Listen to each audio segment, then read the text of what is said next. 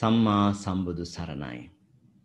ශ්‍රී බුද්ධ වර්ෂ දහස් පන්සිය හැට හතරක් වූ අධි වප් මස පුර දසවක නම් තිතිලත් ශනිදින හෙවත් ව්‍යවහාරික වර්ෂ දෙදහස් විස්සක් වූ සැප්ටැම්බර් මස විසිහය වැනි සෙනසුරාදා. ශ්‍රී ලංකාවේ වේලාවෙන් පස්වරු හත උදා වූ මේ මොහොතේදී ලෝකය පුරා විසිරී සිටින ඔබ අප සෑම සියලු දෙනාම සෝම් යෙදවම ඔස්සේ අන්තර්ජාලය හරහා සජීවීව මේ සම්බන්ධ වී සිටිනුයේ පෞරාණික තේරවාදය ත්‍රීපිටක අධ්‍යන වැඩසටහනෙහි අභිධර්මය දහා නම වැනි පාඩම සමගයි. පෞරාණික තේරවාදය ත්‍රීපිටක අධ්‍යන වැඩසටහනෙහි දහනමවැනි අභිධර්ම හා පාලි භාෂා පුහුණුවට සම්බන්ධ වන සත්පුරුෂ හිතවතුනි. පසුගිය අභිධර්ම පාඩම් 18 පුරාවටම අපි කාමාවචර සිත් සිව්පනස පිළිබඳවත් රූපාවචර සිත් පිළිබඳවත් එවැගේම අරූපාවචර සිත් අතරින් අරූපාවචර කුසල් සිත් පිළිබඳව දැන කියා ගන්නට යෙදුණා. ඉතින් අද දවසේ අද අපිට ඉගෙන ගන්නට තිබෙන්නේ අරූපාවචර කුසල් සිත්වලට යෙදෙන විපාක සිතුත් ඒ වගේම රහතන් වහන්සේලාට මේ අරූපාවචර ධ්‍යාන වැඩීමේදී පහළ වෙන ක්‍රියාසිතුත් පිළිබඳවයි. එහෙමනම් ඒත් කොටසත් සාකච්ඡා කිරීමෙන් අපි කාමාවචර සිත් වගේම අද දවසේ මහග්ගත සිත් කාණ්ඩයත් අවසන් කරන්නටයි මේ බලාපොරොත්තු වෙන්නේ. ඒ නිසාවෙන් එහෙමනම් මේ වටිනා පාඩමට සහ සම්බන්ධ වෙන්න බලාපොරොත්තු වෙන ඔබ සෑම සියලු දෙනාවම අපි බොහෝමත්ම ගෞරවයෙන් මේ අභිධර්ම දම් සභා මණ්ඩපයට පිළිගන්නට කැමැතියි. අද දිනේත් මේ උතුම් වැඩසටහනට මාර්ගෝපදේශකත්වය සපයන අපගේ ගෞරවනීය ආචාර්යන් වහන්සේ මහනුවර අම්පිටිය උඩගම චිත්ත විවේකාශ්‍රමාධීපති නම කියනට අවසරයි පූජනීය විනයාචාර්ය ගලේවෙල ඥානදස්සන ස්වාමීන්ද්‍රයාණන් වහන්සේයි.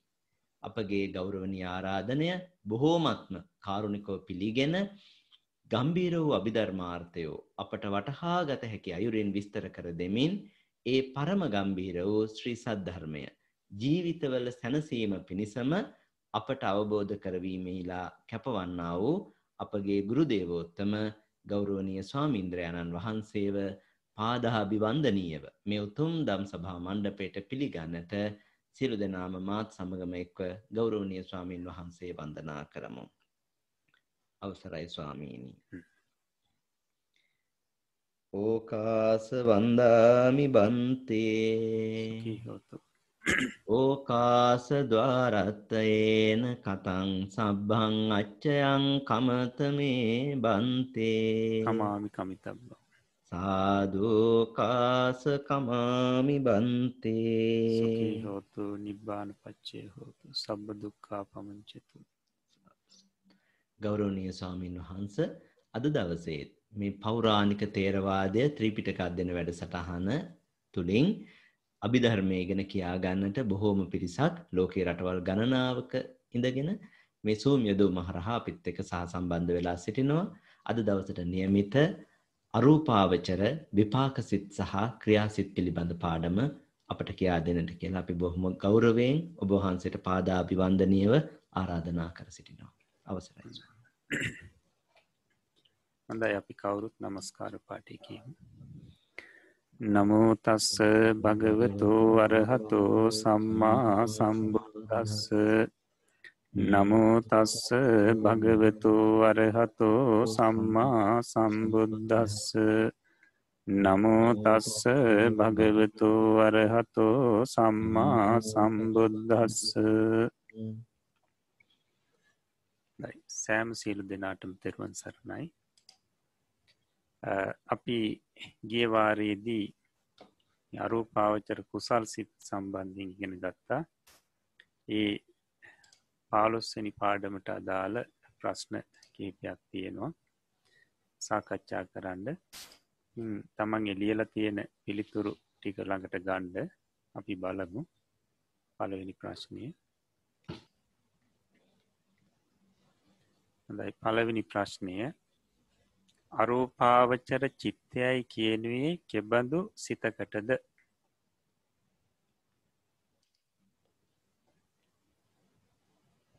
පිළිතුර.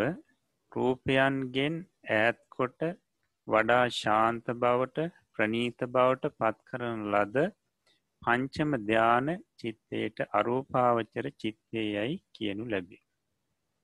මේ ක්‍රමෙන් ලියල තියෙනවනම් හරිදාගන්න. හොඳ අයිදවෙනි ප්‍රශ්නය.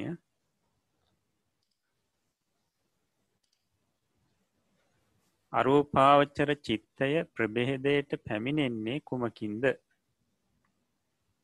පිළිතුර අරූපාවච්චර සිත ප්‍රභේදයට පැමිණෙන්නේ ආරම්මණයන්ගේ වශයෙනි. හොඳ ඉලාටතුන්ගෙන ප්‍රශ්නය. අරෝපාවච්චර සිත් හතරේ අරමුණු කවරේද? බලමු. පළවෙනි අරූපාවච්චර කුසල් සිත ආකාසා නංචායතනී. එකට ආකාසා නංචායතන සිතේ අරමුණ අනන්ත ආකාශයයි.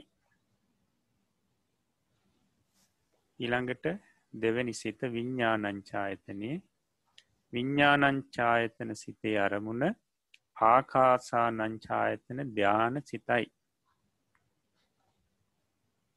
ඉළඟට ආකින්චඥායතන සිතේ අරමුණ ආකාසා නංචායතන ධ්‍යාන සිතේ නැති බවයි.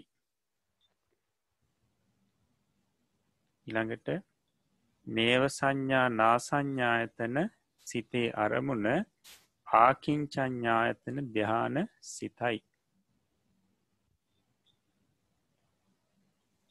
මේ ක්‍රමයෙන් ලියල තියෙනවනම් හරිදාගන්න මෙ මේ හොඳට මතක තියාගණ්ඩෝනි පිළිතුරක්.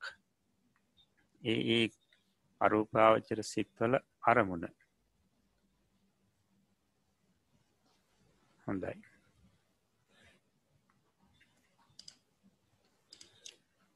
හොඳ ඊළඟට අපිට පුළුවන් අරූපාවචර සිත් පාඩන් දෙන්ඩ කෙනෙකුට අවස්ථාව ලබල දෙන්න. කවුරු හරි ඉක්මනින් ඉදිරිපත් වෙලා පාඩන් දෙන්න. ශ්‍රීනිකා කුලරත්න මහත්මිය සුදානමින් ඉන්නවා. පාඩන් දෙන්න. අවසරයි ස්වාමිනි. පළමෙන් විපාක කුසල් සිත් ආකාසා නංචායතන කුසල් සිත. විඤ්ඥා නංචායතන කුසල් සිත. ආකින්ඥා ඥංචායතන කුසල් සිත නේවසඥා ඥාසඥා කුසල් සිත ආකාසා නංචායතන විපාක සිත විඤ්ඥා නංචායතන විපාක සිත ආකින්ඥා ඥංචායතන විපාක සිත නේව සංඥා ඥායතන විපාක සිත ආකිංචා නංචායතන විපාක සිත නේව සංඥා ඥා සංඥා විපාක සිත ආකාසා නංචායතන ක්‍රියාසිත. විඤ්ඥානංචායතන ක්‍රියාසිත. අකිඥාංචායතන ක්‍රියාසිත. නේවසන්නා ඥා සංඥා යතන ක්‍රියාසිත. හොඳයි. එකදි මතක තියාගණ්ඩ ආකිංචන් ඥායතන කියලයි කියන්තෝනිය. හොඳට හුරුවෙන්ඩ පිරිස කවුරුත් ආකිංචන් ඥායතන කුසල් සිත එහෙම නැත්නම් විපාක සිත එහෙම නැත්නම් ක්‍රියාසිත ඉට පස්සේ නේව සංඥා නාසංඥායතන උසල් සිත නැත්තම් විපාක සිත ක්‍රියාසිත හොඳයි. හොඳ ඊළඟට අපි බලමු. දැන් අදට අපිට ඉදිලා තියෙන්නේ අරුපාවච්චර විපාක සහ ක්‍රියාසිත්නේ අපි අර රූප සටහන්ට අනුව බලමුය සිත් නැවත හොඳයි. චිත්තය කියන පරමාර්ථය අපි මූලික වශයෙන් කොටස් හතරකට බෙදෙන බව ඉගෙන ගත්තා. කාමාවච්චර සිත් රූපාවච්චර සිත් අරූපාවච්චර සිත් එවගේම ලෝකෝත්තර සිත්. ඉට පස කාමාවච්චර සිත් බෙදීම අපි ගෙන ගත්තා. රූපාවචර සිත් බෙදීම ගෙන ගත්තා. කොට කාමාවචර සිත් පනස් හතරත් රූපාවචර සිත් පහල්වත් අපි මේ වෙනකොට ඉගෙන ගත්තා. ඉට පස්සේ අරූපාවචර සිත් දොළහා. කොටස් තුනකට බෙදෙනවා. අරූපාවචර කුසා සිත් හතර. ඉට පස්සේ අරූපාවචර විපාක සිත් හතර. ඉට පස්සේ අරූපාවචර ක්‍රියාසිත් හතර වශයෙන්. ඊට පස්සේ බලමු අප ඊට අදාළ සිත්. ගොට අරූපාවචර කුසල් සිත් පියදත් ඉගෙන ගත්තා. ආකාසානංචායතන කුසාසිත විඤ්ඥානංචායතන කුසාසිත ආකින්චඥායතන කුසාසිත නේව සංඥා නා සංඥායතන කුසල්සිත ඊට පස්සේ අරූපාවචර විපාකසිත් ආකාසානංචායතන විපාකසිත විඤ්ඥානංචායතන විපාකසිත ආකින්චඥායතන විපාකසිත නේව සංඥා නා සංඥායතන විපාකසිත දයිට පස්සෙ ක්‍රියාසිත් ආකාසානංචායතන ක්‍රියාසිත විඤ්ඥානංචායතන ක්‍රියාසිත ආකින්චඥායතන ක්‍රියාසිත නේව සංඥා නා සංඥායතන ක්‍රියාසිත දයිතකොට අපිට අදිගෙන ගණඩ තියෙන්නේ අරූපාවචර විපාක සිත් සහ අරූපාවචර ක්‍රියා සිත්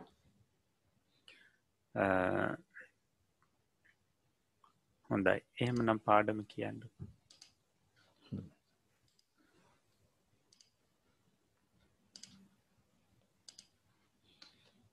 අවසරයි ස්වාමීනි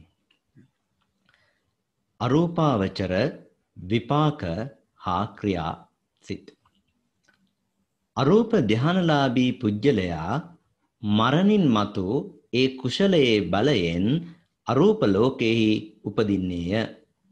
අරූප භවයෙහි ඉපදීම් වශයෙන්ද ඒ අරූප භවය නොසිඳී පැවැත්මටද අරූප කුශලයට සමාන වූම ධ්‍යාන සිත් ඇතිවේ. ඒවා අරූපාවචර විපාකයෝය ආකාසානංචායතන විපාකසිතය විඤ්ඥානංචායතන විපාකසිතය ආකින්චඥායතන විපාකසිතය නේව සංඥා නා සංඥායතන විපාකසිතය කියා අරූපාවචර විපාකසිද්ධ සතරෙකි. කාම රූප ලෝක දෙකෙහි සත්වයන්ගේ විඤ්ඥානය පවතින්නේ රූපකය ඇසුරු කරගෙනය රූපකයක් නැතිව පැවතීමට ඒවාට ශක්තියක් නැත. අරූපාවචර විපාක වනාහි රූපයෙන් තොරව පැවතිය හැකිවන පරිදි දියුණු වූ ඒවාය. එබැවින් අරූප ප්‍රතිසන්ධි චිත්තය සමග රූපකයක් ඇති නොවේ. විඤ්ඥානයෙන් ඔවුහු දීර්ඝ කාලයක් ජීවත් වෙති. කාම සත්වයනට රූපකයක් පරිහරණය කිරීම නිසා ඉමක් කොනක් නැති තරමට දුක් විඳින්නට සිදුවේ. අරූපී සත්වයාට ඒ එකක කුදු නැත. නිවන් සැපයට බොහෝ දුරට සමාන සැපයක් අරූපී සත්වයනට ඇත්තේය. කාම සත්වයනට ඇත්තේ පිටස්තර දේවලින් ඉන්ද්‍රිය පිනවාගෙන ලබන සැපයකි. අරූපී සත්වයන්ගේ සැපයට පිටතින් කිසිවක් වුවමනා නැත. කාම සත්‍යයන්ගේ ආත්ම භාවය බතක් වැනිය. තවත් දේ එකතු කර නොගතහොත් එහි රසයක් නැත. අරූපී ආත්ම භාවය කේක් කැබැල්ලක් වැනිය. ඒ රසවත් කිරීමට තවත් දෙයක් එකතු කරන්නට ඕනෑ නැත. අරූපී සත්‍යයාගේ ඒ ජීවිතයම ඔහුට සුවයකි. අනාගාමී අරහත් පුද්ගලයන්ට පමණක් අයිති නිරෝධ සමාපatti නම් වූ සමවතක් ඇත්තේය. එය සිතින් තොරව විසීමකි. එයට සමවැදිය හැක්කේ රූපාරූප ධ්‍යාන සියල්ලම ලබා ඇති අනාගාමීන්ට හා රහතුන්ටය. නිරෝධ සමාපත්තියට සමවැදිය හැකි වීමට රහත් හුද අරූප ධ්‍යාන උපදවති. රහතුන් විසින් උපදවන විපාක දාන ශක්තිය නැත්තා වූ අරූප ධ්‍යාන සිත් අරූපාවචර ක්‍රියාසිත්‍ය ආකාසා නංචායතන ක්‍රියාසිත යනාදී වශයෙන් අරූපාවචර ක්‍රියාසිද්ධ සතරකි.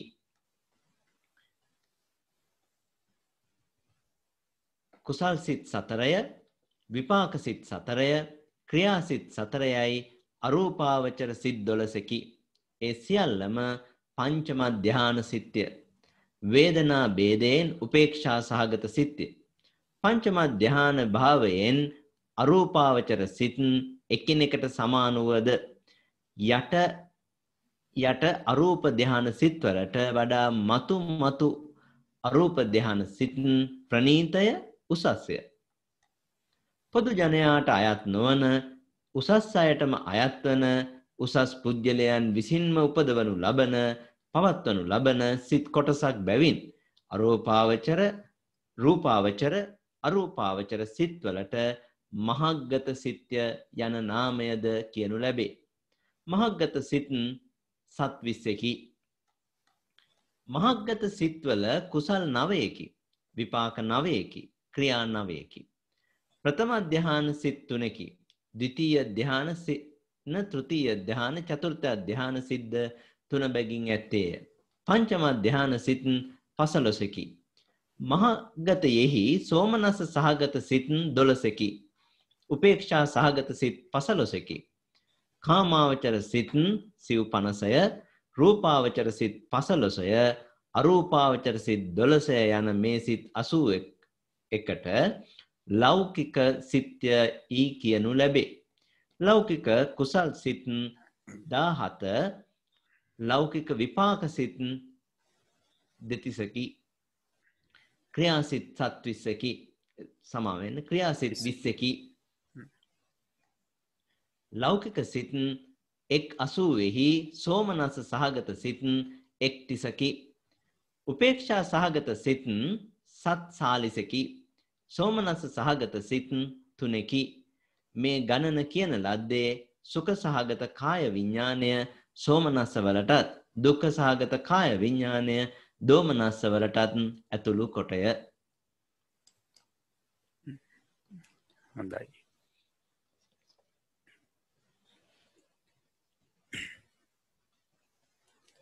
හොඳයි. එතකොට අරූපාවචර විපාක සහ ක්‍රියාසිත් පාඩම. මේ පාඩමේ පැහැදිලි කරනවා මේ අරූප ධ්‍යාන ලාබියෙක් ඒ ධ්‍යානයෙන් නොපිරිහි හිටියොත් ගැන මරණයට පත්වෙනකොට ඒ කාලෙ වෙනකොටත් ඒ ධ්‍යානයෙන් නොපිරී හිටියොත් මරණින් මත්ත ගිහින් අරූපාවචර බ්‍රහ්ම ලෝක ඉපදිනවා අරූපාවචර බ්‍රහ්මලෝකොල ධ්‍යානයට අන්රූපීව උපදිනවා. ඒකයි මේක දක්වන්නේ අරූප ධ්‍යානලාබී පුද්ගලයා මරණින් මතු ඒ කුසලේ බලයෙන් අරූපලෝක උපදින්නේ කියලා. අරූප භවෙහි ඉපදීම් වශයෙන් අරූප භවය නොසිදී පැවැත්මටද අරූප කුසලයට සමානුවම ධ්‍යාන සිතක් ඇතිවේ. එතකොට දැන් අරූප දෙහාන උපදෝප කෙනාට දැන් අපි හිතම ආකාසා නංචායතන අරූප ධ්‍යාන ඉපදෝපු කෙනා මරණයෙන් මත්තේ ආකාසා නංචායතන කියන අරූපාවචර බ්‍රහ්මලෝක ඉපදින්න. මේ නමින්ම බ්‍රහ්මලෝක තියෙනවා. ඒවට අපි කියන්නේ අරූපාවචර බ්‍රහ්මලෝක කියලා. දැන් ආකාසා නංචායතන අරූප බ්‍රහ්ම ලෝකයේ ඉළඟට විඤ්ඥානංචායතන අරූප බ්‍රහ්ම ලෝකේ. ඉළඟට ආකින්චඥායතන අරූප බ්‍රහ්ම ලෝකේ. ඉළඟට නේව සංඥා නා සංඥායතන අරූප බ්‍රහ්ම ලෝකයේ කියල බ්‍රහ්ම ලෝක හතරක් තියනවා. තකොට ආකාසා නංචායතන කියන අරූප දෙහානය උපදවා ගත්තු කෙනා මරණෙන් මත්තේ ආකාසා නංචායතන අරූප බ්‍රහ්ම ලෝක උපදිනවා. විඤ්ඥානංචායතන කියන අරූප ධ්‍යානය උපදවා ගත්තු කෙනා මරණින් මත්තේ විඤ්ඥානංචායතන කියන අරූප බ්‍රහ්මලෝක ඉපදිනවා.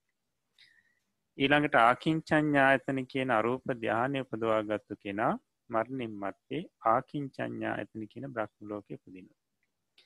නේව සංඥා නාසංඥායතන කියන අරූප ධ්‍යානය උපදවා ගත්තු කෙනා නේව සංඥා නාසංඥායතන කියන අරූප බ්‍රහ්මලෝක ඉපදිනවා.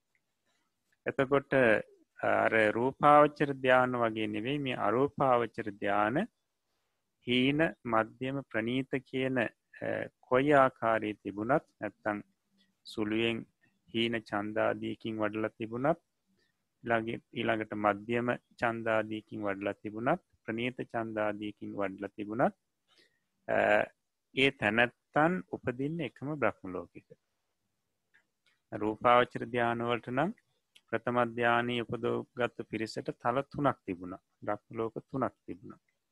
නමුත් අරූපාවච්චර ධ්‍යානයක් උපදවාගත්තු කෙනාට එහෙම කීපයක් නැහැ.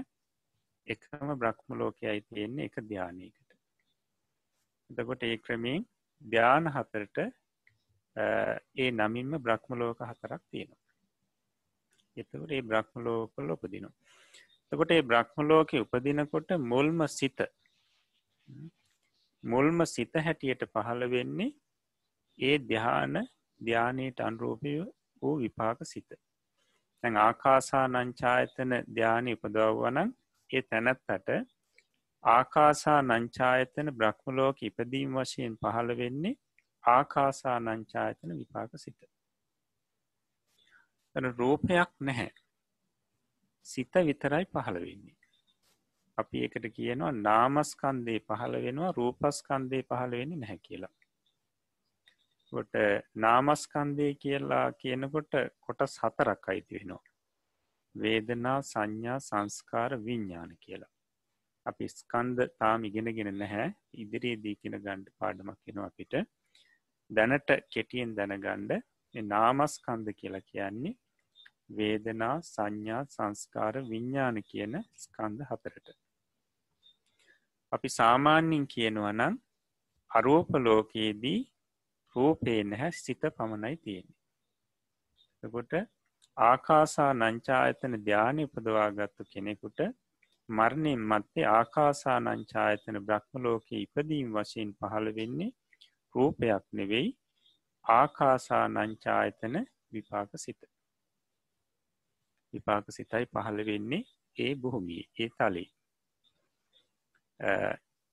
ඊට පස්සේ වෙනත් සිත් පහළ නොවෙන සෑම අවස්ථාවකදීම පහළ වෙන්නෙත් ඔය ආකාසා නංචායතන විපාක සිත. අරූපලෝකයේදී පහළවෙඩ පුළුවන්. කුසල් සිත් කාමාවචර කුසා සිත් පහළ වෙන්ඩ පුළුවන්. මේ විදිහට මෙසිත් පහළ වෙන්ඩ පුළුවන්. මෙන්න මේ සිත් නැති සෑම අවස්ථාවකදීම පහළ වෙන්නේ ආකාසා නංචායතන විපාක සිත පලවෙනි තලයේදී දැන් ස්ටූපේ නැති නිසා දැන් ඇස කණ නාසය දිවාදී මේ කිසිම අවයවයක් නැහැ. රූපය සම්පූර්ණයම නැහැ. එතකොට ඒ නිසා ඒ අරූපාවචර බ්‍රහ්මයන්ට චක්කු විඤ්ඥාන සිද් දෙක සෝත විඤ්ඥාන සිද් දෙක ගහන විඤ්ඥාන සිද් දෙක ජිව්හා විඤ්ඥාන සිද් දෙක කාය විඤ්ඥාන සිද් දෙක මේවා පහළ වෙන්නේ නෑ තවත් සිත් කොටසක් තියෙනවා පහළ නොවෙන අපි ඒවා ඉදිරියේදි පැහැදිලි කරලා දෙනවා. මේ විදිහට රූපය මේ ඇසකන නාසාදිය සම්බන්ධයෙන් පහළ වෙන සිත් ඒදි පහළ වෙන්නෙම නැහැ. ඊට හේතුව මේ රූපයක් නැති නිසා. රූපයක් නැති නිසා. නමුත් කාමාවචර කුසාසිත් ඊට පස්සේ ලෝබමූල සිත් මෝහමූල සිත් මේවා පහළ වෙන්න පුළුවන්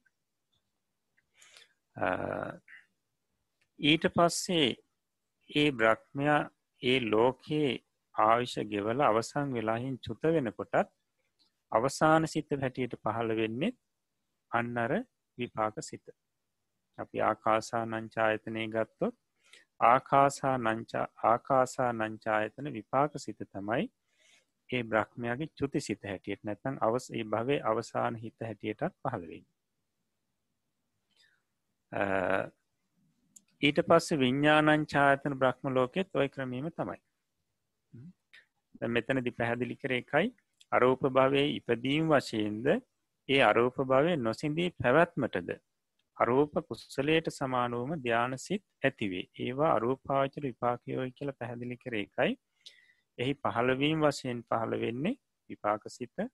ඊට පස්සේ භවේ පැවැත්ම විදිහට නැත්තම් වෙන සිතක් නැති සෑම අවස්ථාවකදීම භවේ රකින්නේ ඒ භවේ පවත්වන්නේ මේ විපාක සිතින්. ඊට පස්සේ භවයෙන් අවසං වෙනකොට අවසාන හිත හැටියටත් පහළ වෙන්නේ මේ විපාක සිත. හොඳයි. එතකොට විපාක සිත් හතරයි. ආකාසා නංචායතන විපාක සිත. විඤ්ඥානංචායතන විපාක සිත ආකින් චඥායතන විපාක සිත නව සංඥා නා සංඥායතන විපාක සිත තොට කාමරූප දෙක් ලෝක දෙක්කෙහි සත්‍යයන්ගේ විඤ්ඥානය පවතින්නේ රූපකය අසුරු කරගෙනේ. කාමලෝකේ රූපලෝකය කියන මේ ලෝක දෙකේදීම සත්‍යයන්ගේ සිත පවතින්නේ රූපකය අසුරු කරගෙනම තමයි. රූපකය නැතුවේ සිතට පවතින්ද පුළුවන්කමක් නැහැ. දැන් අපේ කාමලෝකය කියනකොට මොකක්ද සතර අපායි මනුෂ්‍ය ලෝකයේ දිවියලෝක හය මේ කොළහට කිව කාමලෝකය කියලා. මේ කාමලෝකයේ සත්‍යයන්ට රූපකයක් නැතුව පවතින්ට පුළුවන්කමක් නැහැ. ට රූපකයක් අනිවාරයම තියෙන්ඩොට් රූපයක් තියෙන්න්නට ඕනි සිත පවතින්න නම්. ඊට පස්සේ රූපලෝක රූපලෝක තියෙනවා දාසයක් එතකොට සාමාන්‍යින් අපි ගත්තොත් බ්‍රහ්ම පාරිසජ්‍ය බ්‍රහ්ම පුරෝහිතේ මහා බ්‍රහ්මේ පරිත්තාබේ අපමානාබේ ආබස්සරේ පරිත්ත සුභ අපමාන සුභ සුභකින්හ ඇස වේහප්පලය අසං්‍ය සත්වය අවිහ අතප්ප සුදස්ස සුදස්සි අකනිටා තොට මෙතන දාසයක් තියෙන කොට මෙන්න මේ දාසේ අතුරින් අපි අසං්‍ය සත්‍යය කියන එක අයින් කරනවා. මොකද එක සිත පහළ වෙන්න හැනි රූපය විතරයි. නමුත් අනිත් බ්‍රහ්මලෝක පහළවේදීම ඒ සිත පහළ වෙන්නට නගේ බ්‍රහ්මයන්ට රූපකයි තියෙන්න්නට මෝනි රූපකයි අසුරු කරගෙනම තමයි ඒ සිත් ඒ ලෝකවල පහළ වෙන්නේ. නමුත් දැන් මේ අරෝපාවචර බ්‍රහ්ම ලෝකවලදී ඒ සිතට රූපකයක් අවශ්‍ය නැහැ. ඇතා රූපයක් අවශ්‍ය නැහැ ඒ සිත පවතින්ට අරෝපාවචර විපාක වනාහි රූපයෙන් තොරව පැවතිය හැකිවන පරිදි දියුණු වූ ඒවාය. අන්න එතකොට අරෝපාවචර විපාක සිත් කියලා කියන්නේ රූපයක් නැතුව පවතින්ට පුළුවන් ආකාරයට දියුණු සිත්. ඒ නිසා රූපයක් සියුම් වශයෙන්වත් රූපයක් අවශ්‍ය නැහැ. සියුම් වශයෙන්වත් රූපයක් අවශ්‍ය වෙන්නේ නැහැ.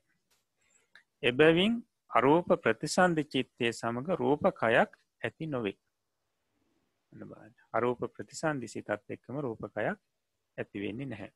නමුත් කාමලෝක රූප ලෝක දෙකේදීම ප්‍රතිසන්ධි සිත සමඟ අනිවාර්යම රූපකයක් ඇතිවෙන. විඤ්ඥානයෙන් ඔවුහු ඉතා දීර්ඝ කාලයක් ජීවත් වෙති. විඤ්ඥානීන් තමයි අරූපලෝකේ අරූප සත්‍යයන් ජීවත්වෙන්නේ. දැන් අපි සත්‍යයන් කියනකොට අපිට එක පාටම අදහසෙන්නේ මේ රූපයක් ඇති දෙයක්. රූපී සත්‍යයෙක් තමයි අදහසෙන්නේ නමුත් මෙතනද සත්‍යයා කියලා කිව්වට මේ අර සිත තමයි මේ ලෝකෙ පවතින්නේ. නැත්ත අපි කෙනවා නාමස්කන්ද හතර තමයි මේ බ්‍රහ්මතලේ චුතිය චුත්ත වෙනකම පවතින්නේ. ඉතිං සාමාන්‍යයෙන් ඔය අරූපාවචර බ්‍රහ්මලෝක තියෙන්නේ අර අපි ඔය තිස්සෙක් තලය කියලා කියනවා සක්වලකට තිස්සෙක් තලයක් කියලා. ඔය තිස්සෙක් තලයේ ඉහළම තමයි මේ අරූප බ්‍රහ්මලෝක පිහිටලා තියෙන තැන් අපි ගත්තොත් මනුෂ්‍ය ලෝකය ඊට උඩින් චාතුර මහරාජිකය දිවලෝකය ඊට උඩින් තවතිසාාව ඊට උඩින් යාමේ හිටෝඩින් තුසිතේ හිටෝඩින් නිම්මාන් රතිය හිටෝඩින් පරනිම්මිත වසවර්තය කියන දිවිය ලෝකේ එතකොට පිළිවෙලින් ඉහලින් ඉහලට තමයි මේවා පිහිටලා තියෙන ඊළඟට රූපාවචර බ්‍රහ්ම ලෝක. බ්‍රහ්ම පාරිසජ්‍යය බ්‍රහ්ම පුරෝහිතේ මහා බ්‍රහ්මය කියන මේ බ්‍රහ්මතල තුන බ්‍රහ්ම ලෝක තුන එකම තලයක පිහිටලා තියෙනවා කියනකයි පැහැදිලි කරන්න. එකම තලයක. දිවිය ලෝක තිබුණ එකින් එකට ඉහලින් ඉහලට නමුත් මේ තුන තියෙන එකම තලයක. ඊළඟට පරිත්තාබ අපමානාබ ආබස්සර කියන බ්‍රහ්මලෝක තුන අර මුල් බ්‍රහ්මලෝකොතුන්ට ඉහලින් එකම තලයක තියෙනවා. ඊළඟට පරිත්ත සුභ අපමාන සුභ සුභකින්හක කියන බ්‍රහ්මලෝක තුන අර දෙවැනි බ්‍රහ්ම තල තුනට ඉහලින් එකම තලයක තියෙනවා. ඇතින් ඇතට එකම තලයක තියෙනවා. ඊළඟට වේහප්පලේ සහ අසං්‍ය සත්‍යය කියන බ්‍රහ්ම ලෝක දෙක අර මුලින් සඳහන් කරපු බ්‍රහ්ම ලෝකතුන්ට ඉහලින් එකම තලයක තියෙනවා. ඊළඟට අපි කියන ශුද්ධවාස බ්‍රහ්ම ලෝක කැන අනාගාමින් වහන්සේලා සහ රහතන් වහන්සේලායි ඒ වැඩයින්නේ. තොට ඒ බ්‍රහ්ම ලෝක පහ පිළිවෙලින් පිළිවලට ඉහලින් ඉහලටයි තියෙන්නේ අවිහ ඊට පස් ඊටුඩින් අතප්පය ඉටුඩින් සුදස්සය ඉටුඩින් සුදස්සිය ඉටත් උඩින් අකනිටාව ඊළඟට තමයි අරූප බ්‍රහ්ම ලෝක තියෙන්නේ මුලින්ම ආකාසා නංචායතන බ්‍රහ්ම ලෝකය ඊට උඩින් විඤ්ඥා නංචායතන බ්‍රහ්ම ලෝකේ ඊටත් උඩින් ආකින්චඥායතන බ්‍රහ්ම ලෝකේ ඊටත් උඩින් නේව සංඥා නා සංඥායතන බ්‍රහ්ම ලෝකී. එතකොට බලන්ඩ මනුස්ස ලෝකයෙන් කෙනෙක් චුත වෙනකොට නැත්තම් මියගයාට පස්සේ ඊළඟට මේ අරූපාවචර දිහාන උපදෝල තිබුණනං ඒ තැනත්ත ඊළඟට උපදින්න කොහෙද ගිහිල්ල? අරූපාවචර බ්‍රහ්ලෝක එතකොට මේ තලවල පිහිටීම අනුව කොච්චර ඉහලද කොච්චර දුරකද? නමුත් මේ ලෝකයේදී චුතචිත පහළ වෙනුවත් එක්කම අතරක් නෑර ඊළඟ ෂනේ ඊළඟ මොහොතේදී අන්නර් බ්‍රහ්ම ලෝකයේ ප්‍රතිසන්ධ සිත පහළ වෙන ඒන්නේ තවත් සිතක් පහළුවෙන්ට ගතයෙන කාලය විතරයි වැනි කාලයක් විතරයි ගතයි එතකොට කෙනෙක් එතෙන්ට යනුවන සමහරලාවට අවුරුදු දහස් ගානක් විතර ගතවෙන්න පුළුවන්. නමුත් මේ මෙහෙදී චුතිසිත පහළ වෙලා නිරුද්ධ වෙනකොටම ඒත් එක්කම ඊළඟට ප්‍රතිසන්ධිසිත අරූපාවචර බ්‍රහ්ම ලෝක පහළ වෙන ඒ දෙක අතර කිසිම කාලයක් අයි නැහැ. සෑම සත්‍යයකුගේම චුතිය සහ ප්‍රතිසන්ධි අතර මේ ඉඩක් නැහැ. කාලයක් නැහැ. තව සිතක් පහළ වෙන කාලය විතරයි. හොඳයි. එතකොට දැන් ඔය අරූපාවචර බ්‍රහ්මලෝක හතරට අපි කියනවා චතුවෝකාර බොහොමිය කියලා. අහල ඇති ඔයි පංචවෝකාර බොහොමිය ඒක වෝකාර බොහොමිය චතුවෝකාර බොහොමිය කියලා. තොට වෝකාර කියලා කියන්නම ස්කන්දවලට නමක්. අපි කියන රූපස්කන්දේ වේදනාස්කන්දේ සංඥාස්කන්දේ සංස්කාරස්කන්දේ විඤ්ඥානස්කන්දය කියලොයි පහක් කියන්නේ. එතවට මේ පහෙන් ස්කන්ද හතරක් තියෙන භූමියයට කියනවා චතුවෝකාර භූමිය කියලා. එවට අරූපාවච්චර බ්‍රහ්මලෝක හතරට කියන්නේ චතුවෝකාර භූමිය කියලා. ඊට හේතුව තමයි ස්කන්ද හතරයි තියෙන්නේ. වේදනාස්කන්දේ සංඥාස්කන්දේ සංස්කාරස්කන්දේ විඤ්ඥානස්කන්දය කියන හතර විතරයි එහි තියෙන්නේ නිසායිට කියනවා චතුවෝකාර බොහොමිය කියලා. ඊළඟට ඒක වෝකාර බොහොමිය කියලා කියන්නේ එක ස්කන්දයක් පමණක් තියෙන බොහොමියට මොකක්ද අසං්‍ය සත්වේ රූපස්කන්දය විතරයි තියෙන එනිසා අසං්‍ය සත්වයට කියනවා ඒක වෝකාර බොහොමිය කියලා. එතකොට දැම් මේ අරූපාවචර බ්‍රහ්ම ලෝක හතරත් අසං්‍ය සත්‍යයත් හැර සෙසු සියලුම බොහොමිවල ස්කන්ධ පහම තියෙනවා. අන්නේ නිසා සෙසු කාමලෝක රූප ලෝකාදියට කියනවා පංචවෝකාර බොහොමී කිය. පංචවෝකාර බොහොමිය. හොඳයි. එතකොට ඊට පස්සේ මෙතනදි පැහැදිලි කරනවා කාම සත්‍යයන්ට රූපකයක් පරිහරණය කිරීම නිසා ඉමක් හොනක් නැති තරම් දුක් විඳින්නට සිදුවේ කියලා. සාමාන්‍යයෙන් අපි ගත්තහම කාමලෝකයේ සත්‍යයන්ට අපි මනුෂ්‍යයන් ගම්මකො මේ රූපකයක් පරිහරණය කිරීම තුළ ඉමක් හොනක් නැති දුක් විඳින්ඩ තියෙනවා. නමුත් අපේ අවිද්‍යාව නිසා මේක දුකක් කියල තේරෙන්නේ. දැම් මේක හොඳට තේරෙන අවස්ථාවක් තමයි සමහරු වයසට ගිහිල්ලා ලෙඩ වෙලා ලෙඩ ඇන්දේ ඉන්නවා නැගිට ගණ්ඩ බැහැ මළමුත්‍ර ගොඩේ ඉන්න. අන්න ඒ අවස්ථාවේ කෙනෙකුට දකිනකොට අදහසක් කෙනවා බොහෝ දුරට අනේ. මේ කයක් තිබ්බෙ නැත්නම් මේ කෙනාට. බලන් ඒවෙලාවෙ කයක් තියෙන නිසා මොන තරම් දුකක් විඳින්ට තියෙනවද? එ ආහාර ගණ්ඩත්වෝනි තේ අප විත්‍ර ගොඩේ ඉන්ඩත් හොනි නේද? මේ විදිහට මේ මේ වගේ අවස්ථාවක් දකිනකොට තමා ගොඩාක් තේරෙන්නේ මේ රූපකයක් තිබීමේ මහා දුක්කස්කන්දේ ඉතින් තව තව තව තව අපේ ජීවිතේ හැම මොහොතක්ම බැලුවොත් රූපකය නිසා මහා දුකක් විඳින්න තියෙන ඉතිං අරෝපී සත්‍යයනට ඒ එක දුකකුදු නැත. රූපකයක් පරිහරණය කිරීම තුළ තියෙන එක දුකක්වත් අරූපී සත්‍යයන්ට නෑ අරූපි සත්‍යයන්ට නැහැ. බලන්නපු සමහරු අවසාන කාලී ගැන හිතනවා. මට සලකණ්ඩ කෙනෙක් ඉදීද නේද? කවුරුත් මට සලකන්න නැතිවේද ඔය විදියට හිත හිත දුක්කිඳන ඇයි හෙම දුක්කිඳන්නේ රූප කයක් තියෙන නිසා. මට නැගිට ගණ්ඩ බැරිවුණොත් එහා මෙහා යන්ඩ බැරිවුණොත් මට සලකණ්ඩ කෙනෙක් ඉදීද බලන්ඩ කෙනෙක් ඉදීද මේ විදියට හිත් මේ අදහස් ඇතිවෙන්නේ මේ රූපකය දුරුවල වනාට පස්සේ මට තනියම මගේ වැඩ කරගණ්ඩ බැහැ. එතකොට කවුරුත් සලකයිදමට ඔය විදියට මේ දුක් ඇති වෙන්නේ මේ රූපකය නිසා. හැබැයි අරෝපී සත්‍යයන්ට ඒ දුක් නැහැ. අරූපී සත්‍යයන්ට මේ ඒ කියන දුක් ඇත්ති නැහැ. නිවන් සැපේට බොහෝදුරට සමාන සැපයක් අරූපී සත්‍යයන්ට ඇත්තේ කියන.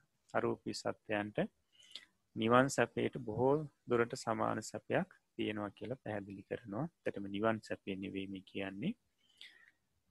කය නැති රූපකය නැති බව නිසාම තියෙන පහසුව ගැනයි සැපේ නිසයිම කියන්න මෙහෙම. කාම සත්‍යයන්ට ඇත්තේ පිටස්තර දේවල් වලින් ඉන්ද්‍රිය පිනවාගෙන ලබන සැපයකි. අපිට තියෙන සැපය ගත්තහම බාහිර දේවල් තුළින් මේ ඉන්ද්‍රිය පිනවාගෙන ලබන සැපයක්. හොඳ රූප දැකලා සතුටයනවා හොඳ ශබ්දහල සතුටයනවා හොඳ ගන්ධයන් ආග්‍රහණය කරල සතුටයන හොඳ රසයන් ඉඳල සතුටයන හොඳ ස්පර්ශයන් ඉඳල සතුටයනවා අන්න ඒ වගේ පිටස්තර දේවල් වලින් ඉන්ද්‍රේ පිනවලා තමයි සැප ලබන්නේ. අරෝපී සත්‍යයන්ගේ සැපේට පිටතින් කිසිවක් වුවමනා නැත. අරෝපී සත්‍යයන්ගේ සැපේට බාහිරින් කිසිවක් අවශ්‍ය නැහැ. ඒකට උපමාවක් දක්වනවා මේ කාම සත්‍යයන්ගේ සැපේ සහ අරූපී සත්‍යයන්ගේ සැපේ ගැන. කාම සත්‍යයන්ගේ ආත්ම භාවේ බතක් වගේ කියලා තියෙන බතක් නිකං කණ්ඩ බැහැ. ව්‍යංජනෝනි ඉ තවත් දේවල් එකතු කර ගණ්ඩෝනි හෙම නැත්තා රසයක් නැහැ. ඒ වගේ කාම සත්‍යයන්ට බාහිර අරමුණු අවශ්‍යයි සැපලබන්න හැබැයි අරෝපී සත්‍යයන්ගේ ආත්ම භාවේ කේක් කැබැල්ලක් වගේ කියනවා. ඊට අයි තවත් කිසිුවක් එකතු කාණ්ඩ අවශ්‍ය නැහැ. ඒ රසවත්. ඒ වගේම අරෝපී සත්‍යයන්ගේ ජීවිතය ඔහුට ඒ ජීවිතයම සොයක් කියලා කියන හොඳයි. එතකොට දැන් අපි මේ කතා කරේ මේ විපාක සිත් සම්බන්ධයෙන්. කැන අරූපාවචර විපාකසිත් සම්බන්ධය තකොට අරූපාවචර විපාකසිත් පහළ වෙන්න හැ අරෝපලෝක හතරෙන් හැරෙන්ඩ වෙන කිසිම තැනක. අපි මුලින් කියපිදර රූපාවචර විපාක සිතුත් පහළ වෙන්නේ රූපාවචර බ්‍රහ්ම ලෝකයේ පමණයි වෙන කිසිම තැනක පහළ වෙන්න අරූපාවචර විපාක සිතුත් පහළ වෙන්නේ අරූපාවචර බ්‍රහ්ම ලෝක හතරේ පමණයි. හොඳයි. ඊට පස්සේ ක්‍රියාසිත් සම්බන්ධින් පැහැදිලි කරන්නේ අනාගාමි අරිහත් පුද්ගලයන්ට පමණක් අයිති නිරෝධ සමාපත්තිය නම් වූ සමවතක් ඇත්තේ. එය සිතින් තොරෝ විසීමකි. ට අනාගාමී සහ රහතන් වහන්සේලාට සංවදින්ට පුළුවන් සම්වතක් තියෙන එකට කියෙන නිරෝධ සමාපත්තිය කියලා. නිරෝධ සමාපත්තිය. නිරෝධ සමාපත්තිය කියලා කියන සිතින් තොරෝ වාසය කිරීමක්. සිතින් තොරව වාසය කිරීමක් ඒ අවස්ථාවදී සිතක් ඇත්තෙම නැහැ. සිතක් ඇත්තෙම නැහැ. හැබැයි ඒ සමවතටේ සමාපත්තියට සංවදින්ට පුළුවන් වෙන්නේ මේ රූප අරූප ධ්‍යාන උපදවාගත්තු අනාගාමින් වහන්සේට හෝ රහතන් වහන්සේට පමණයි. අනාගාමී හෝ රහතන් වහන්සේ රූපාවච්චර දිහාන අරූපාවච්චර ධ්‍යාන උපදෝල නැත්තං ඒ නිරෝධ සමාපත්තිර සංවදින්න බැහැ. තැන් අපි ගත්තොත් පටවිකසිනෙන් නම් රූපාවච්චර දිහාන සියල්ලම උපදවාගෙන ඉට පස්ස අරූපාවච්චර දිහාන නේව සංඥා නාසංඥා ඇතනී දක්ව උපදෝල තියෙන්දුව. අන්න ඒ විදියට එක කර්මස්ථානයකින් මේ ධ්‍යාන රූපාවච්චර සහ රූපාවච්චර ධ්‍යාන සියල්ලම උපදෝල තියෙන්න්නට ඕනි අනාගාමී හෝ රහතන් වහන්සේ නමක් නිරෝධ සමාපත්තියට සම්බන්ධින්ට නම්. ඒ නිසා නිරෝධ සමාපත්තියට සමවැදිය හැකි වීමට රහත්වද අරූප ධ්‍යානු පදෝති හන්න. රහතන් වහන්සේලාත් එම නැත්න අපි ගප්තුත් රහතන් වහන්සේලා මේ නිරෝධ සමාපත්තියට සම්වැදීම සඳහා අරූප දිහානු පදෝන. රහත්තුන් විසින් උපදෝන විපාකදාන ශක්තිය නැත්තා වූ අරූපධ්‍යාන සිත් අරූපාවචර ක්‍රියා සිත්තිය. තොට රහතන් වහන්සේලා නිරෝධ සමාපත්තිට සංවැදීම සඳහා උපදෝන මේ අරූපධ්‍යාන සිත්තෝට විපාක නැහැ. විපාකයක් ලැබෙනවන ලැබෙන්නේ අරු භව ඉපදිනකොටන හෙම ඉපදින් නැති නිසා විපාක නැහැ. නමුත් රහතන් වහන්සේලා එවිදියට ධ්‍යාන උපදෝනවා අන්නේ ධ්‍යාන සිත්තෝට කියනවා අරූපාවචර ක්‍රියා සිත් කියලා. අරූපාවචර ක්‍රියා සිත්. තකට ආකාසා නංචායතන ක්‍රියාසිත යනාදී වශයෙන් අරෝපාවචර ක්‍රියාසිද්ධ හතරක් තියෙනවා. ආකාසා නංචායතන ක්‍රියාසිත විඤ්ඥා නංචායතන ක්‍රියාසිත ආකින්චඥායතන ක්‍රියාසිත සහ නේව සංඥා නා සංඥායතන ක්‍රියාසිත. හොඳ එතකොට සාමාන්‍යයෙන් ඔය නිරෝධ සමාපත්තිය ගැනමං කෙටියෙන් පැහැදිලි කරන්න අපිට ඉදිරියේදී පාඩමක් එනවා නිරෝධ සමාපත්ති සම්බන්ධයෙන් කොහොමද මේ නිරෝධ සමාපත්තියට සමවදින්නේ කියන එක ගැන. දැ මෙතනදි පැහැදිලි කරා රහතන් වහන්සේ නමක් හෝ අනාගාමින් වහන්සේ නමකට පුළුවන් නිරෝධ සමාපත්තියට සම්බඳීට. ඒත් උන්වහන්සේලා අනිවාරයෙන්ම රූපාවචර සහ රූපාවචර ධ්‍යාන සියල්ලම උපදවල තියෙන්ඩුව. තකොට අපි රහතන් වහන්සේ නමක් ගැන හිතම නත රහතන් වහන්සේ නමක් නං උන්වහන්සේ දැන් පටවි කසනයෙන් ධ්‍යාන සියල්ලම උපදෝල තියෙනවා නම් උන්වහන්සේ කරන්ඩෝනි මුලින්ම ඒ නිරෝධ සමාපත්තියට සම්වැදීම සඳහා මුලින්ම කරන්න තියෙන උන්වහන්සේ භාවන ඉරියව්වෙන් ඉඳලා පලවෙනි ධ්‍යානයට සම්වදිනවා. පලවෙනි ධ්‍යානයට පටිකසිනි අපි ගත්තොත් පටවි කසිනි පලවෙනි ධ්‍යානයට. ඒ ධ්‍යානයට සංවැදිලා ඒ ධ්‍යානින් නැගී ඉන්නවා. අපි මේ නැගී සිටියම කියන්න මොකක්ද කියලා කලින් පැහැදිලි කරලා තියෙන. නිසා මේ ඉන්න ඉරියව්වෙන් නැගිටිනවා නෙවේ ධ්‍යානයෙන් නැත අර්පනා තත්වෙන් අයින්ගෙනවා කියන එකයි.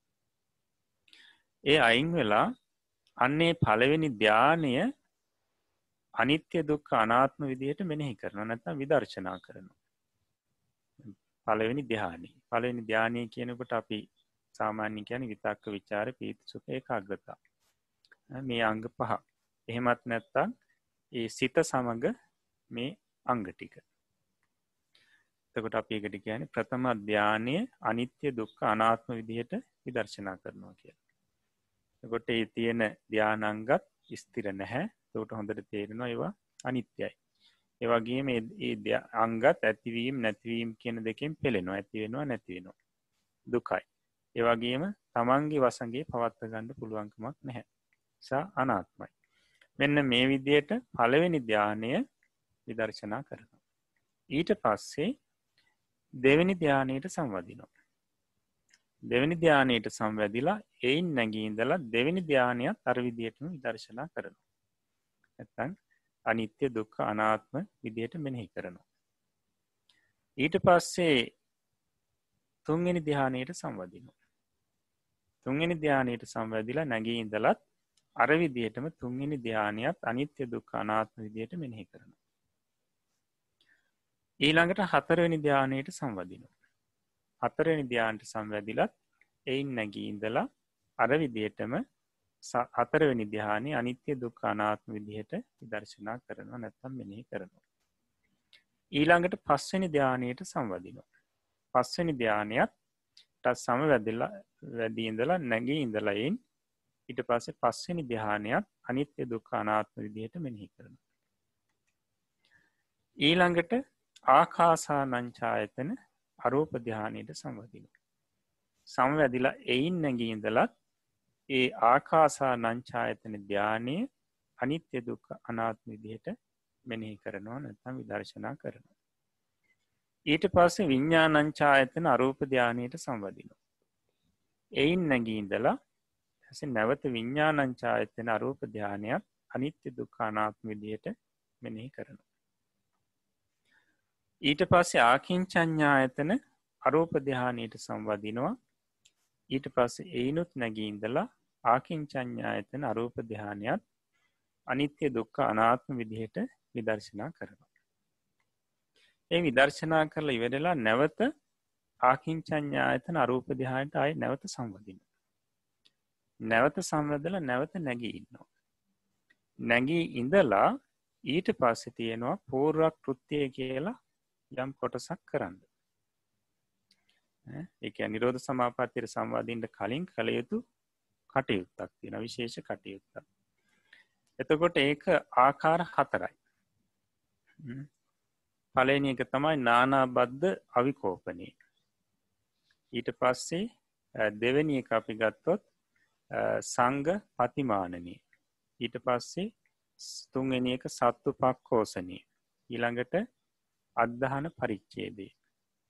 මෙන්න මේ විදියට කාරණ හතරක්. තැන් පළවෙනි එක තමයි නානාබද්ධ අවිකෝපනය. ඒ කියන්නේ සාමාන්‍ය නිරෝධ සමාපත්තිය කියන මේ සමාපත්තියට සංවැදුණු රහතන් වහන්සේගේ කය කයේ හෝ කයට සම්බන්ධව තියෙන කිසිවක් විනාශවෙන්නේ නෑ ඒ කාලය තුළ සාමාන්‍යයෙන් මේ නිරෝධ සමාපත්තියට සංවදිනකොට ඉන්ඩ පුළුවන් උපරිම කාලය තමයි දවස් හතක්.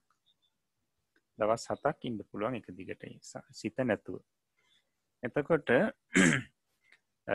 මෙන්න මේ දවස් හත ඇතුළත ඒ සමාපත්තය ඉන්න තාක්කල් සාමාන්‍යින් තමන් වහන්සේගේ ශරීරයේ තියෙන සිවුරු හෝ එහෙම නැත්තන් ශරීරයට සම්බන්ධ වෙලා තියෙන ඉඳගෙනින් ආසනයක් හෝ මේ කිසිවක් කිසිම දෙයකින් විනාශ වෙන්නේ නෑ. ඒ වෙලා ගින්නක් ඇති වුණත් ජලගැල්මක් ඇති වුණත් තමන් වහන්සේ සහ තමන් වහන්සේගේ ශරීරයට සම්බන්ධ වෙලා තියෙන කිසිවක් විනාශ වෙන්නේ නෑ මීයකුට හෝ එහෙම කණ්ඩ පුළුවන්කමක්වත් නැහැ.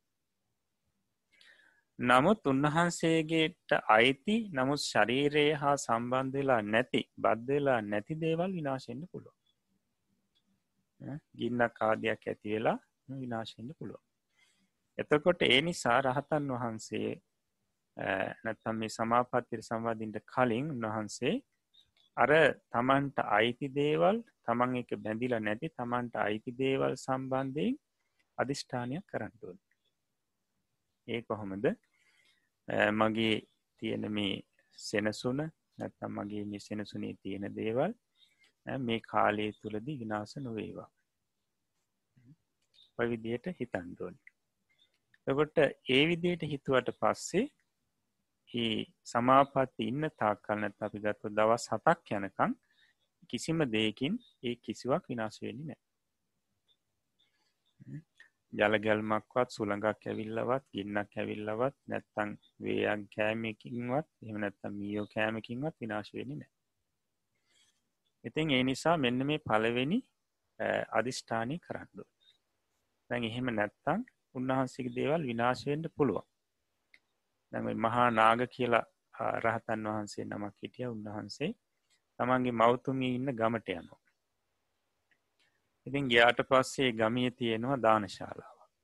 ඉතිං දානශාලාවට මේ සාමීන් වහන්සේ රහතන් වහන්සේ වඩම්මලා නම් තමන්ගේ පුත්‍ර සාමීන් වහන්සේ වඩම්මලා මේ මෑනියන් කැඳ පූජ කර.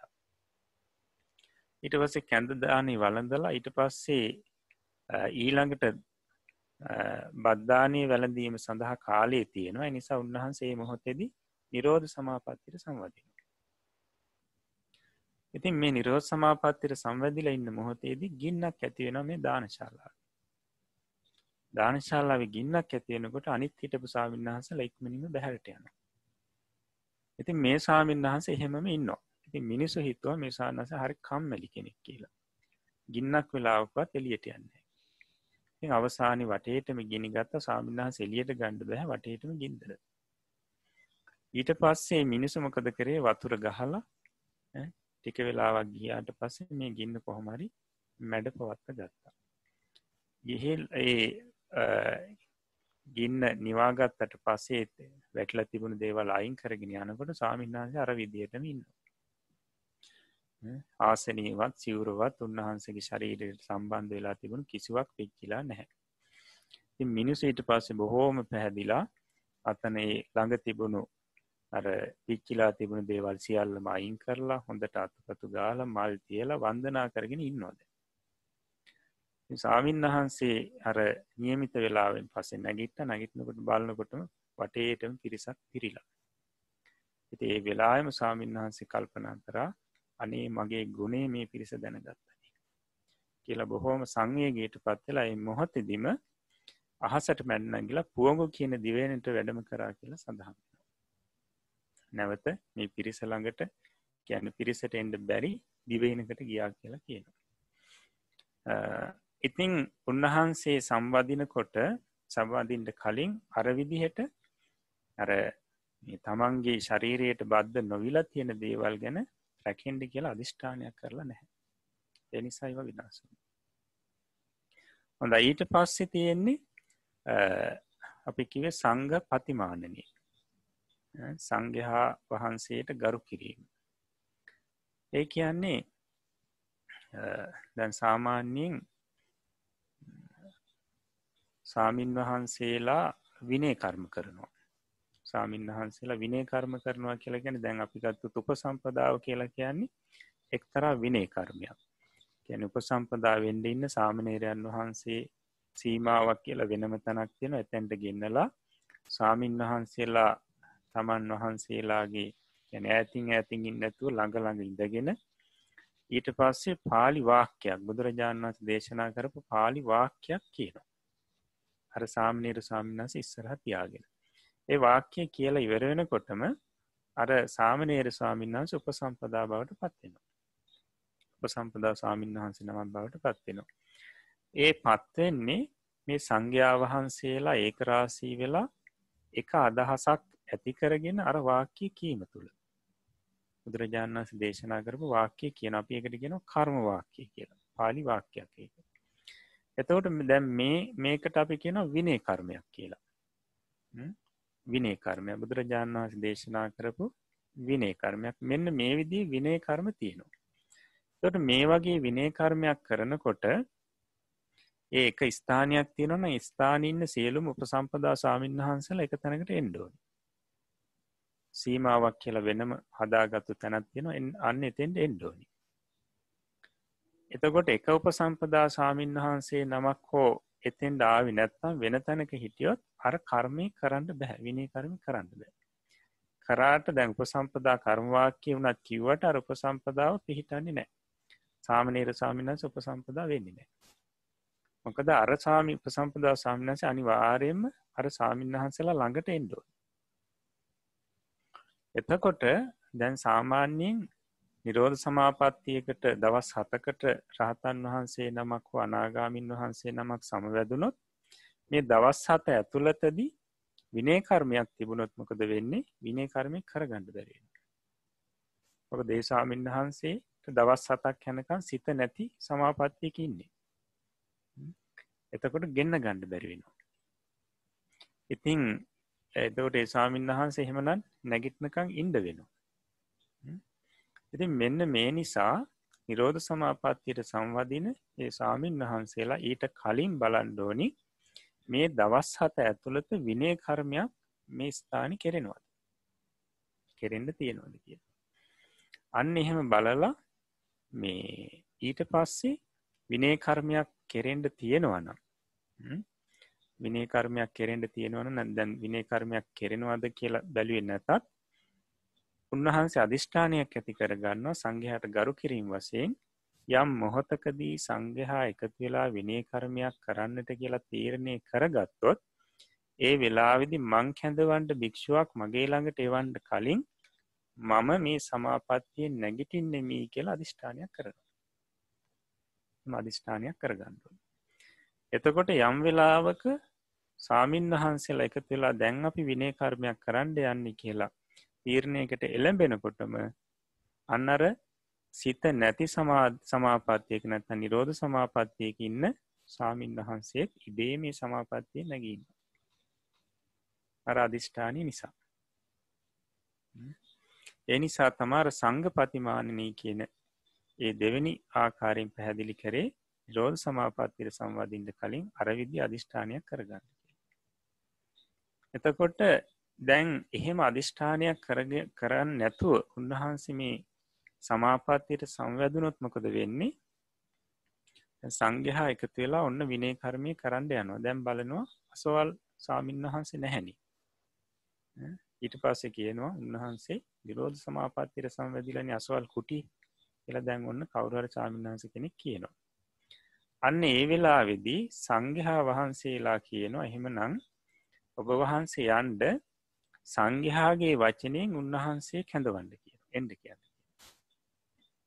ඒ වෙලාවෙදී අර මේ භාරගත්තු ස්වාමීන් වහන්සේ කදර සංඝයා විසින් ස්වාමීන් වහස නමකට කියනවන උන්වහන්සේ ගිහිල්ලා අර නිරෝධ සමාපත්තිර සංවැදිලින්න ස්වාමීන් වහන්සේට වචනයක් කියනකොට ඇහෙන ප්‍රදේශය ඉඳලා අප ඒකට කියන ශ්‍රවණ උපචාරය කියලා. එතන ඉඳලා ස්වාමීනය ඔබවහන්සේට සංඝහා තබවහන්සේව සංඝහා කැඳවනවා කියන වචනය කියනකොටම අර ස්වාමීන් වහන්ස ඉබේම සමාපත්තියෙන් නැගී ඉන්නවා කියලා කිය.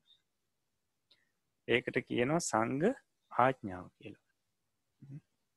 සංඝයාගේ ආඥාව. අන්නේ සංඝයාගේ ආඥාවේ තියෙන බලය කොච්චරද කියනවා නම් හිත නැති සමාධියක හිටියත් ඒ වචනයට නැගිටිනවා. එතකොට බලන්ඩ මේ සංග ආඥාව කියන එක සංඝයාගේ වචනය කියන කොච්චර බලවද්ද කියලා.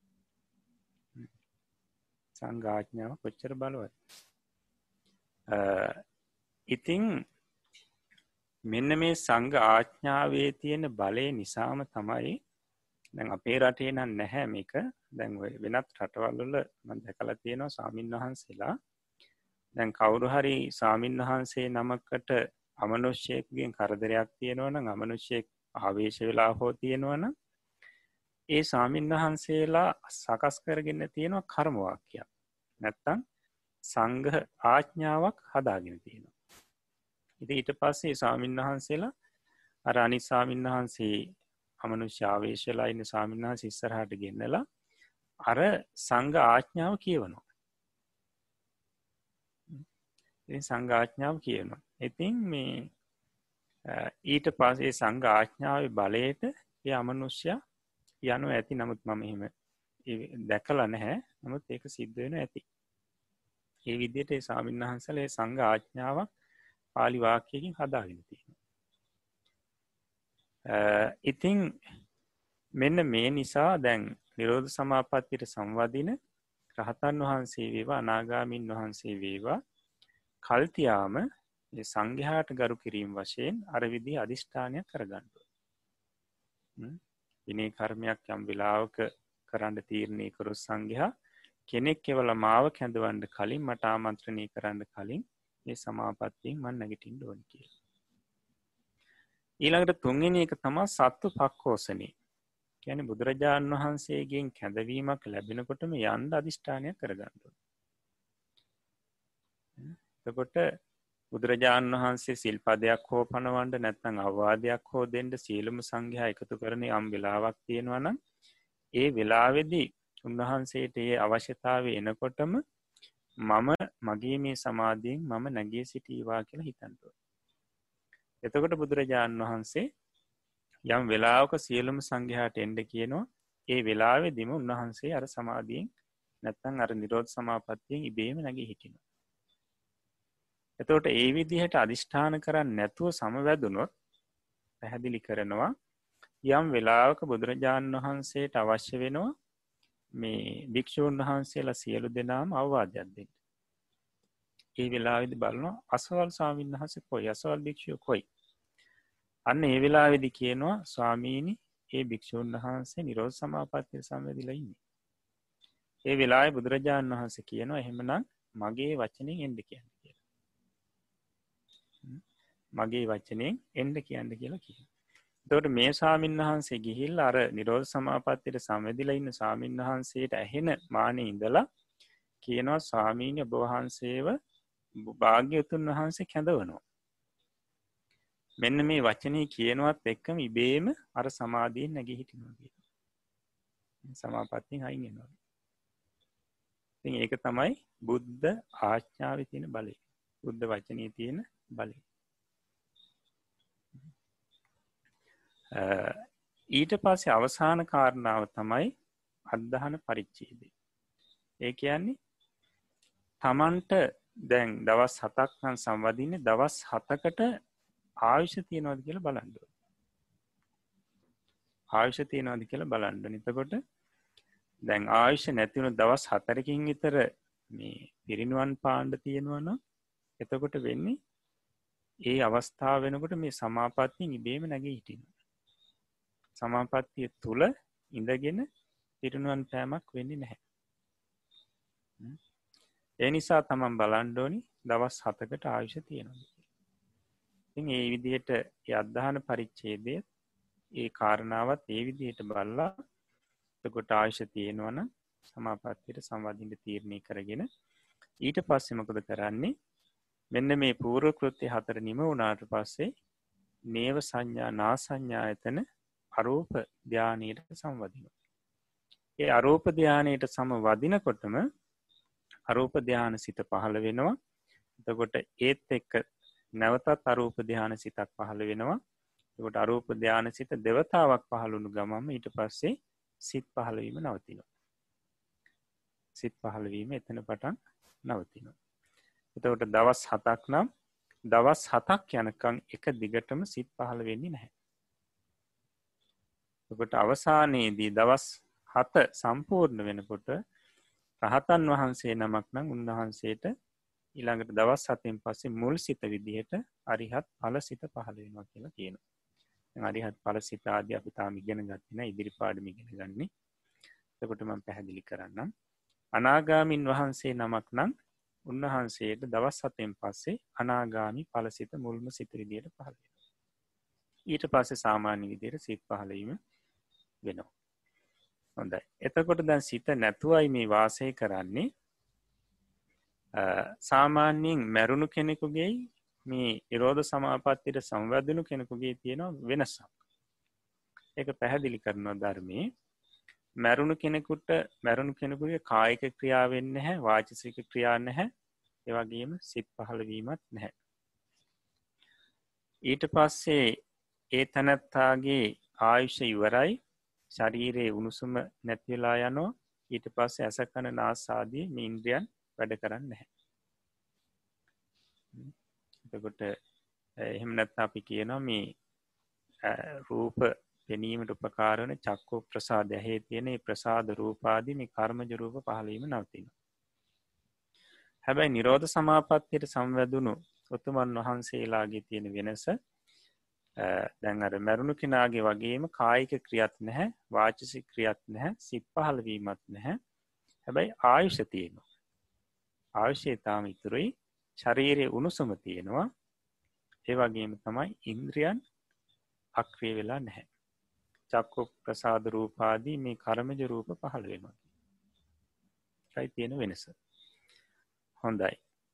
එතකොට මේ නිරෝධ සමාපත්තියට ඔය කියන නිරෝධ සමාපත්තියට සම්බැදීම සඳහා තමයි ශේෂම රහතන් වහන්සේලා ඔය කියන අරූපාවචර ධ්‍යානසිත් උපදවන් තකට අරූපාව රහතන් වහන්සේලා එවිදිට උපදන ඉට පස්සේ අපි පැහැදිලි කර රහතන් වහන්සේලාට සහ අනාගාමින් වහන්සේලාට පමණයි පුළුවන්නේ විරෝධ සමාපත්තිර සංවදීන් අනිත් අයට බැහැ කියලා. ඒකට හේතුව තමයි අනිත් පිරිසට ඊට පහළ පිරිසට මේ සමත බලය නැත්තන් සමාධි බලය සම්පූර්ණ වෙලා නැහැකින ඒ සමාධි බලය සම්පූර්ණ වෙන්නට නම් ඔය කාම රාග කියන සංයෝජනය නැතිෙන් දොනි කියන එතකොට එහම නැත්තම් පංචකාමයට තියෙන ඇල්ම කියන මෙන්න මේ ස්වරූපය නැතිවෙන්ට කොට ඒ ස්වරූපය නැතිවෙන්නේ අනාගාමින් වහන්සේට සහ රහතන් වහන්සේට. අනාගාමි වෙනකොට තමයි කාමරාගේ නැතිවෙන් හොඳයි ඊට පස්සේ පැහැදිලි කරනවා දැන් එතකොට ආකාසානාංචායතනාදී ක්‍රියාසිට් සතර පහළවෙනි රහතන් වහන්සේලාට. ගොට අනාගාමින් වහන්සේට නිරෝධ සමාපත්තිර සංවාධීන්ට පුළුවන් වුණාට උන්වහන්සේටත් පහළ වෙන්නේ මේ අරූපාවචර දිහාන ඉපදවීම වශයෙන් කුසල් අරූපාවචර කුසල් සිත්. එකට කුසල් සිත් සතර විපාක සිත් සතර ක්‍රියාසිත් හතර කියලා අරූපාවචර සිත් දොළහක් තියෙන අරූපාවචර සිත් දොළහක් තියෙනවා. මේ සියල්ලම පංචමධ්‍යාන සිත්තේ. තොට අපි ගෙන ගත්තා. පංචමධ්‍යාන සිත් තමයි මේ සියලුම අරූපාවචර සිත්. ඒ කියන්නේ උපේක්ෂා ඒකාග්‍රතාව පමණයි අංග වශයෙන් තියෙන පංචමධ්‍යාන භාවයෙන් අරූපාවචර සිත් එකිනෙකට සමාන වනත් යට යට අරූපාවචර සිත්වට වඩා මතුමතු අරූපාවචර සිත් ශාන්තයි ප්‍රනීතයි සමාධි බවින් වැඩි. ඒකයි අර නේව සංඥා නාසංඥා ඇතන දිහාන ඉන්නකොට ඉඳලා ඒ නැගි හිටියට පස්සේ සිතක සිතක් ඇතුව හිටියද නැතුව හිටියද කියලවත් එක හිතාගණ්ඩ බැහැ කියලා කියන්න.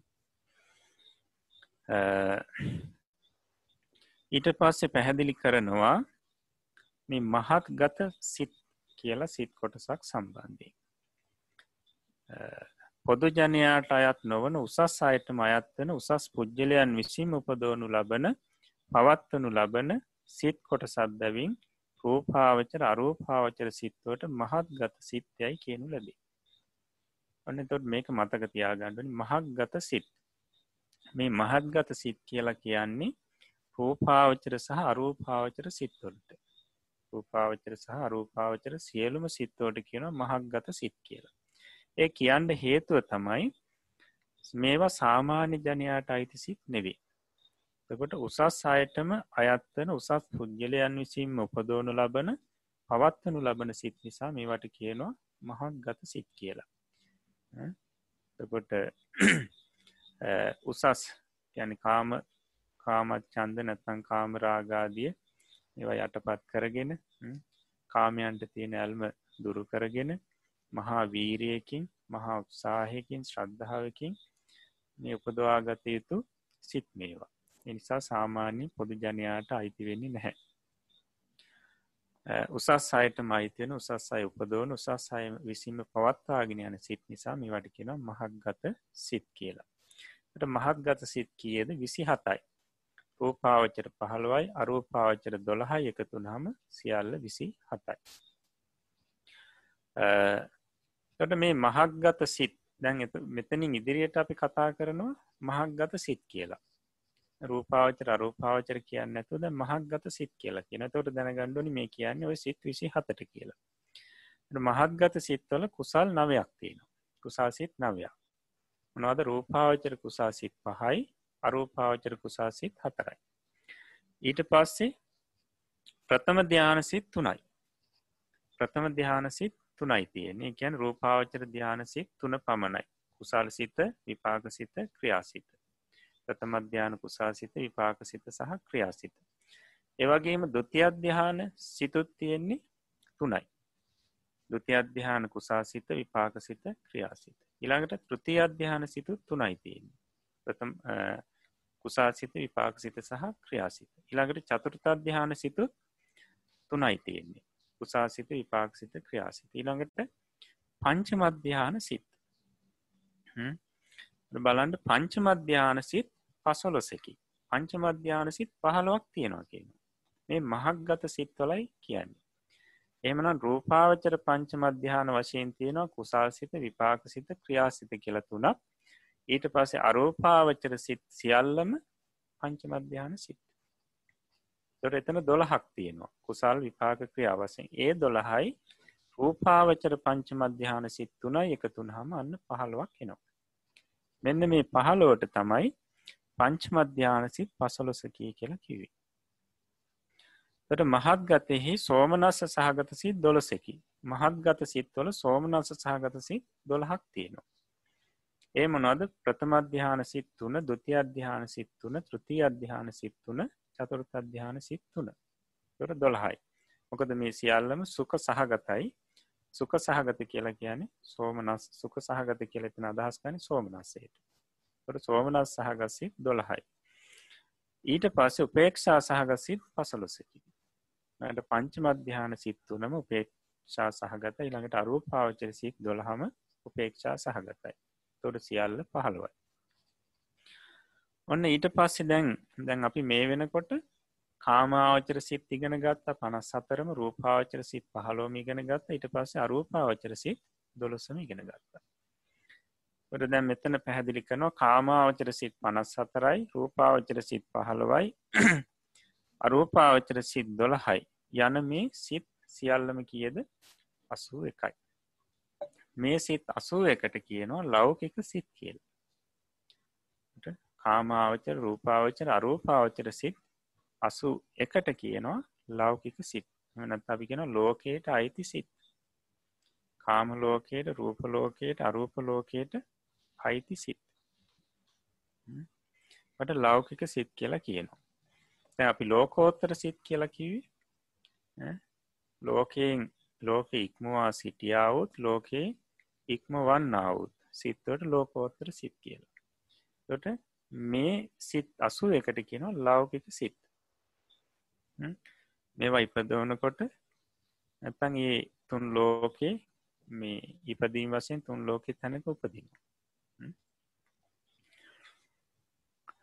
එතකොට ලෞකික මේ සිත් අසු එකේ කුසල් සිත් තියෙනවා දාහතක්. කුසාසිත් දාහතයි. මොනවද කුසාසිත් දාහත?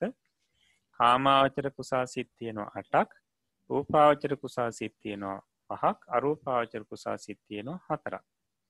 අන්න එතකොට කිය දොක්කම දා හතයි ඊට පස්සේ ලෞකික විපාක සිත් තියෙනවා තිස් දෙකක් ලෞකික විපාකසිත් තිස් දෙකයි මොනවද? අපි අහේතුක විපාකවල එනවා කියද? පහළුවක්. අහේතුක විපාක පහළුවයි. ඊට පස්සේ කාමාවච්චර සහේතුක විපාක අටක් එනවා. එකට විසි තුනයි ඊට පස්සේ රූපාචර විපාක පහයි අරූපාවචර විපාක හතරයි. එතවට නවයක් එනවා. එතවට කියද සියල්ලම තිස් දෙකක් බවට පත්වෙන තිස් දෙකයි. ඊට පස්සේ ක්‍රියාසිත් විස්සකි. ලෞකික සිත් අසුයකේ ක්‍රියාසිත් විස්සක් තියෙන මොනවද? අහේතුක ක්‍රියාසිත් මුලින් ඉගෙන ගත් අපි තුනක්. ඊට පස්සේ සහේතුක කාමාවචර ක්‍රියාසිත් අටයි. ඊට පස්ස රූපාවචර ක්‍රියාසිත් පහල පහයි. අරූපාවචර ක්‍රියාසිත් හතරයි. එතකොට බාණ්ඩ කියද සියල්ලම? විස්සක් එනවා. ක්‍රියාසිත් විස්සයි.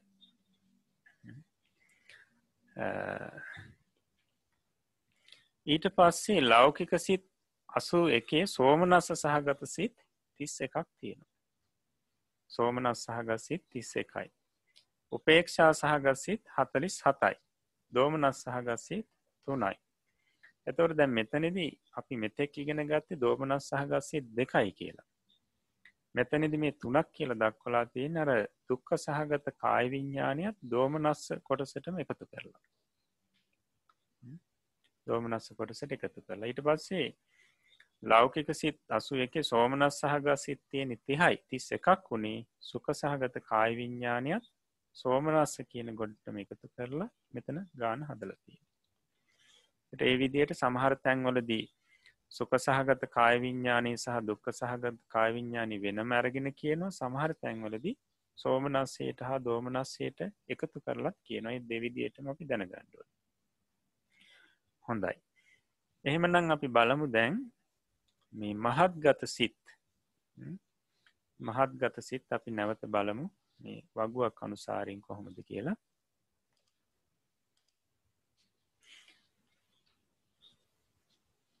බලන්න. එතවට මහත් ගත සිත්වලදී රූපාවචර සිත් පහළව සහ රූපාවචර සිත් දොළොස තමයි මහත් ගත සිත් කියලා කිව්වේ. එතකොට අපි දැම් මේ වගුව මීට කලිනුත් අපි පිරිසට පෙන්වා තට බලන්ඩ දැන් කාමාවචර සිත් පනස් හතරයිනි ඊට පස්සේ පනස් පහ පනස්හයි පනස් සත ඔය විදිහට තමයි මේ රූපාවචර සිත් නැතම් මහත් ගත සිත්වල අංකය දෙන්නේ සිත් අසුව එකින් පනස් පස්වනි සිත තමයි විතක්ක විචාර පීත්සුක ඒකාග්‍රතා සහිත පටමධ්‍යාන පුසා සිත ඔය විදියට තමයි සිත්වලට මේ අංක යෙදෙන්නේ. ඒ අපි හොඳට බලාගන්නට ඕනි. එතකොට මේ සිත්වල සෝමනස් සහගත සිත් කොතෙක්ද පේක්ෂා සහගත සිත් කොතෙක්ද කියන එක අපි ගිය වාරකෙද ඉගෙන ගත්තා. එනිසා නැවත පැහැදිලි කරන්න හැ මෙතනදි මේ පැහැදිලි කරන්නේ මෙන්න මේ සිත් තමයි මහත්ගත සිත් කියලා මේ පෙන්වීම. හොඳයි. ඊළඟට බලමු. දැම් මෙතනද තියෙන්නේ විපාක සිත මහත්ගත නැතන් රූපාවච්චර සිත් පහළවේ උපේක්ෂා සහ උපේක්කා ඒකාගතා සහිත පංච මධ්‍යහන විපාක සිත කියන්නේ විපාක සිත්තල අවසානි දක්වා පමණයි. ඊළඟට අපි බලමු ක්‍රියාසිත්. තකොට රූපාවචර සිත් පසලොසේ තියෙන ක්‍රියාසිත් පහයි මේ දක්වලා තියෙන්නේ. තොට රූපාවචර සිත් අවසං වෙනකොට සිත් හැට නමයක් ලෞකික සිත්වලින් හැට නමයක් සම්පූර්ණ වෙලා අවසානයි ඊට පස්සේ මහත්ගත සිත්වල තියෙන්නේ අරූපාවචර සිත් දොළහා අපි බලමු. තොට හැත්තෑවැනි අංකීන්දල තමයි අරූපාවච්චර සිත් ආරම්භ වෙන්නේ. ට පලවෙනි එක ආකාසා නංචායතන කුසල් සිත. කොට මේක උපේක්ෂා සහගත සිතා තිස් හයවෙනි උපේක්ෂා සහගත සිත.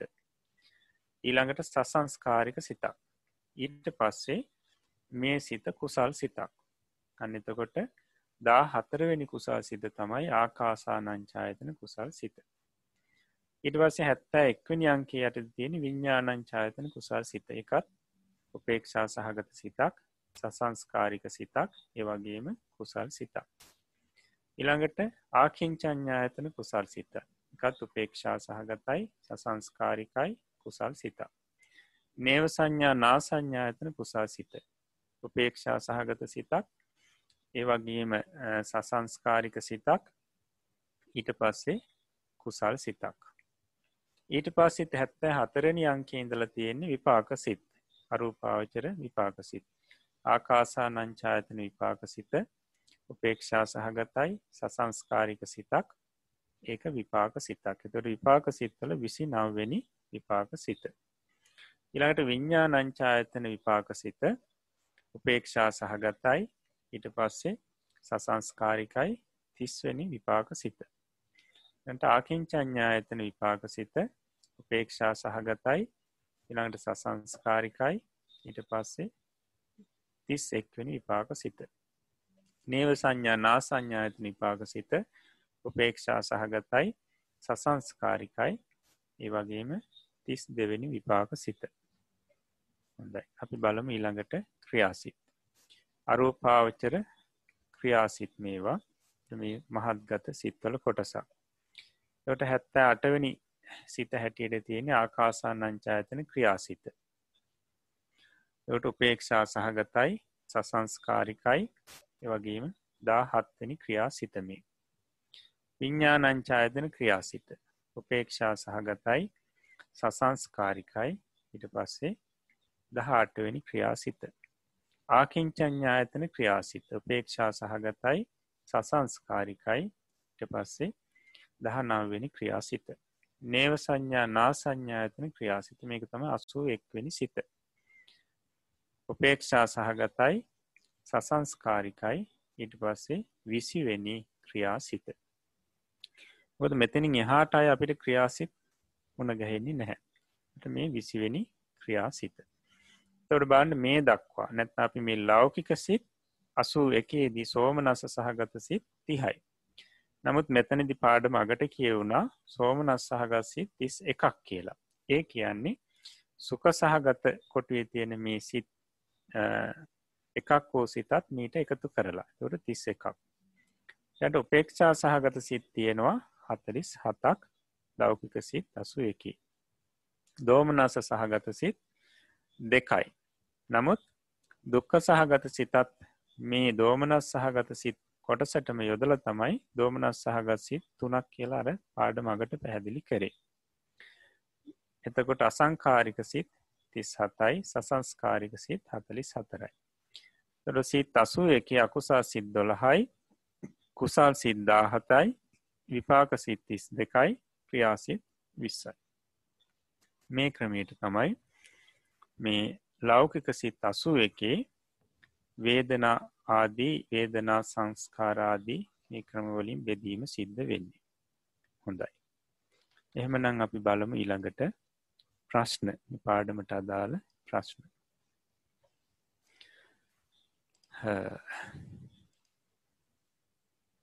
දාසේවෙනි පාඩමේ අවසාන ප්‍රශ්න. අරූපාවච්චර පළවෙනි ප්‍රශ්නය අරූපාවච්චර විපාකයි කියනුවේ කෙබඳු සිත්වලටද දෙවැනි එක රූපකයක් නැතිව සිත් පැවතිය හැක්කේ කෙසේද? රූපයක් නැති ආත්ම භාවේ හොඳ වන්නේ මක් නිසාද? තුන්වැනි ප්‍රශ්නී. හතර.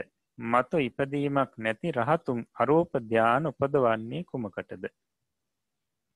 පස්සන එක. රූපාවචර අරූපාවචර සිත් දෙකොටසටම සාධහරණ නම කුමක්ද? හය. ලෞකික කුසල් කොතෙක්ද කවරහුද? හත. ලෞකික විපාක කොතෙක්ද කවරහුද? අට. ක්‍රියාසිත් කොතෙක්ද කවරහුද? දයි ප්‍රශ්න අටක් තියෙන මේ ප්‍රශ්න අටට උත්තර ලියාගෙනෙන්ට ඊළං දවසේද අපි සාකච්ඡා කරම. හොඳයි. එහෙමනම් අපි අදට අපි ධර්ම පාඩම මෙතකින් හමාර කරනවා. ඊළඟට අපි බලමු පාලි පාඩම.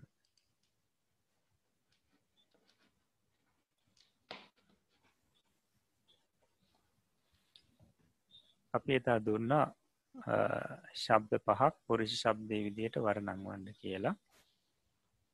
එලියල තියෙන් ටික ගණ්ඩ බලන්න.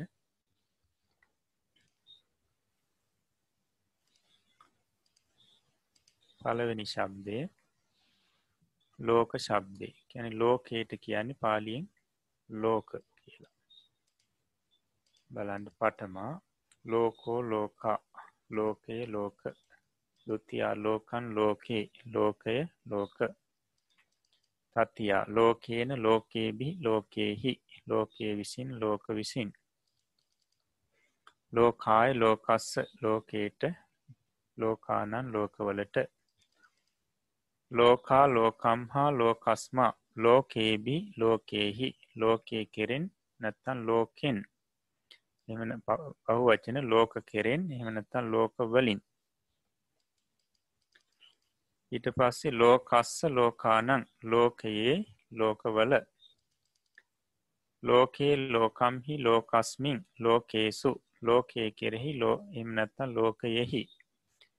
ඊට පස්සේ ලෝකේසු ලෝක කෙරෙහි ලෝක වලහි ලෝකේන ලෝකේබි ලෝකයෙහි ලෝකය කරනකොට ලෝක කරනකොට. ආලපන ලෝක ලෝකා ලෝකා ලෝකය ලෝක. හොඳයි. ඊළඟට ආලෝක ශබ්දේ. තවට දැම් මේකෙදී තේරුම බලාගණ්ඩ පුළුවන් පිරිසට. එනිසාමන් තේරුම කියන්න පාලි ශබ්දය විතරයි මෙතනින් පස්ස කියන්නේ. හොඳයි. බලම ආලෝක ශබ්දය. ට ආලෝක කියලා කියන්නේ ආලෝකයට එම නැතන් එලියට ආලෝකෝ ආලෝකා. ආලෝකං ආලෝකේ. ආලෝකේන ආලෝකේබි ආලෝකයෙහි ආලෝකාය ආලෝකස්ස ආලෝකානං. ආලෝකා ආලෝකම් හා ආලෝකස්මා ආලෝකේබි ආලෝකයෙහි ආලෝකස්ස ආලෝකානං ආලෝකේ ආලෝකම්හි ආලෝකස්මින් ආලෝකේසු ආලෝකේන ආලෝකේබි ආලෝකයෙහි ආලෝක ආලෝකා ආලෝකා මංච ශබ්දේ ඇඳට කියන මංච කියලා. මංචෝ මංචා. මංචං මංචේ. මංචේන මංචේබි මංචේහි. මංචාය මංචස්ස මංචානං. මංචා මංචම් හා මංචස්ම මංචේබි මංචේහි. මංචස්ස මංචානං. මංචේ මංචම්හි මංචස්මින් මංචේසු. මංචේන මංචේබි මංචේහි. මංච මංචා මංචා. ආකාස ශබ්දය. අහසට ආකාස කියන්නේ ආකාසෝ ආකාසා ආකාසං ආකාසේ ආකාසේන ආකාසේබි ආකාසේහි ආකාසාය ආකාසස්ස ආකාසානං ආකාසා ආකාසම්හා ආකාසස්මා ආකාසේබි ආකාසේහි ආකාසස්ස ආකාසානං ආකාසේ ආකාසම්හි ආකාසස්මින් ආකාසේසු ආකාසේන ආකාසේබි ආකාසේහි ආකාස ආකාසා ආකාසා ඉටස මග්ග ශබ්දය. මග්ගෝ මග්ගා. මග්ගං මග්ගේ. මග්ගේන මග්ගේබි මග්ගේහි.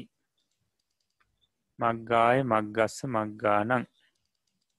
මග්ගා මග්ගම් හා මග්ගස්ම මග්ගේබි මග්ගේහි. මග්ගස්ස මග්ගානං. මග්ගේ මග්ගම්හි මග්ගස්මින් මග්ගේසු. මග්ගේන මග්ගේබි මග්ගේහි.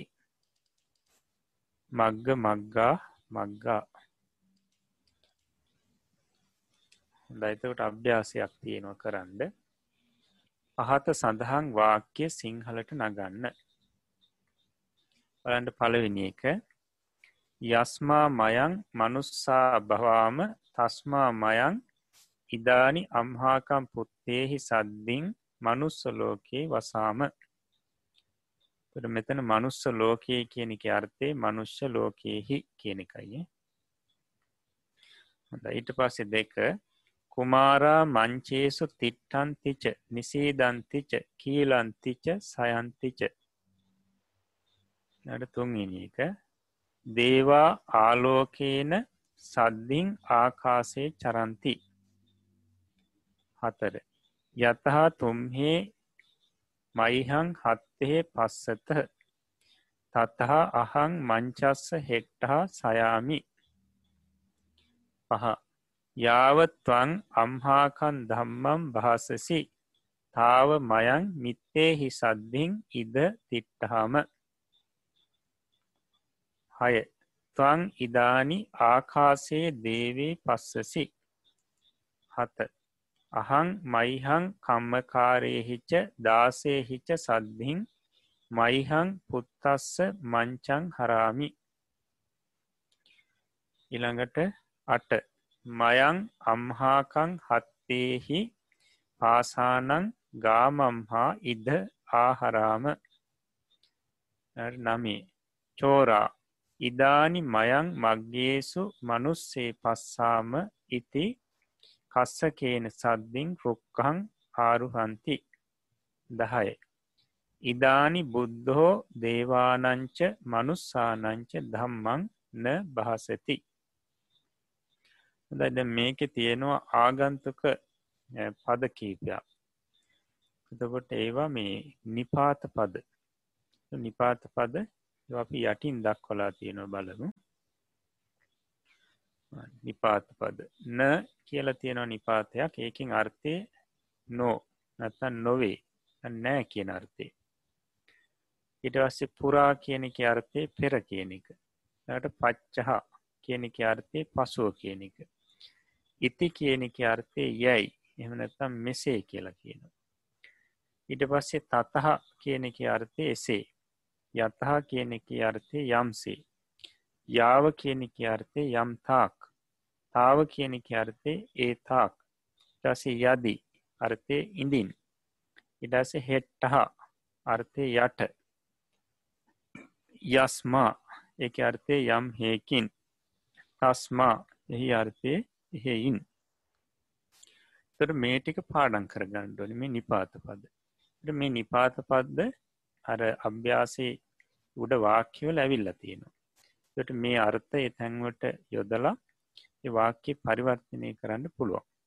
සයි වාක්‍ය ටිකත් ඊළඟ දවස සිංහලට පරිවර්තනය කරගෙන එන්ඩ මේ නිපාත පද ටිකත් පාඩන් කරගන්න. හොඳයි.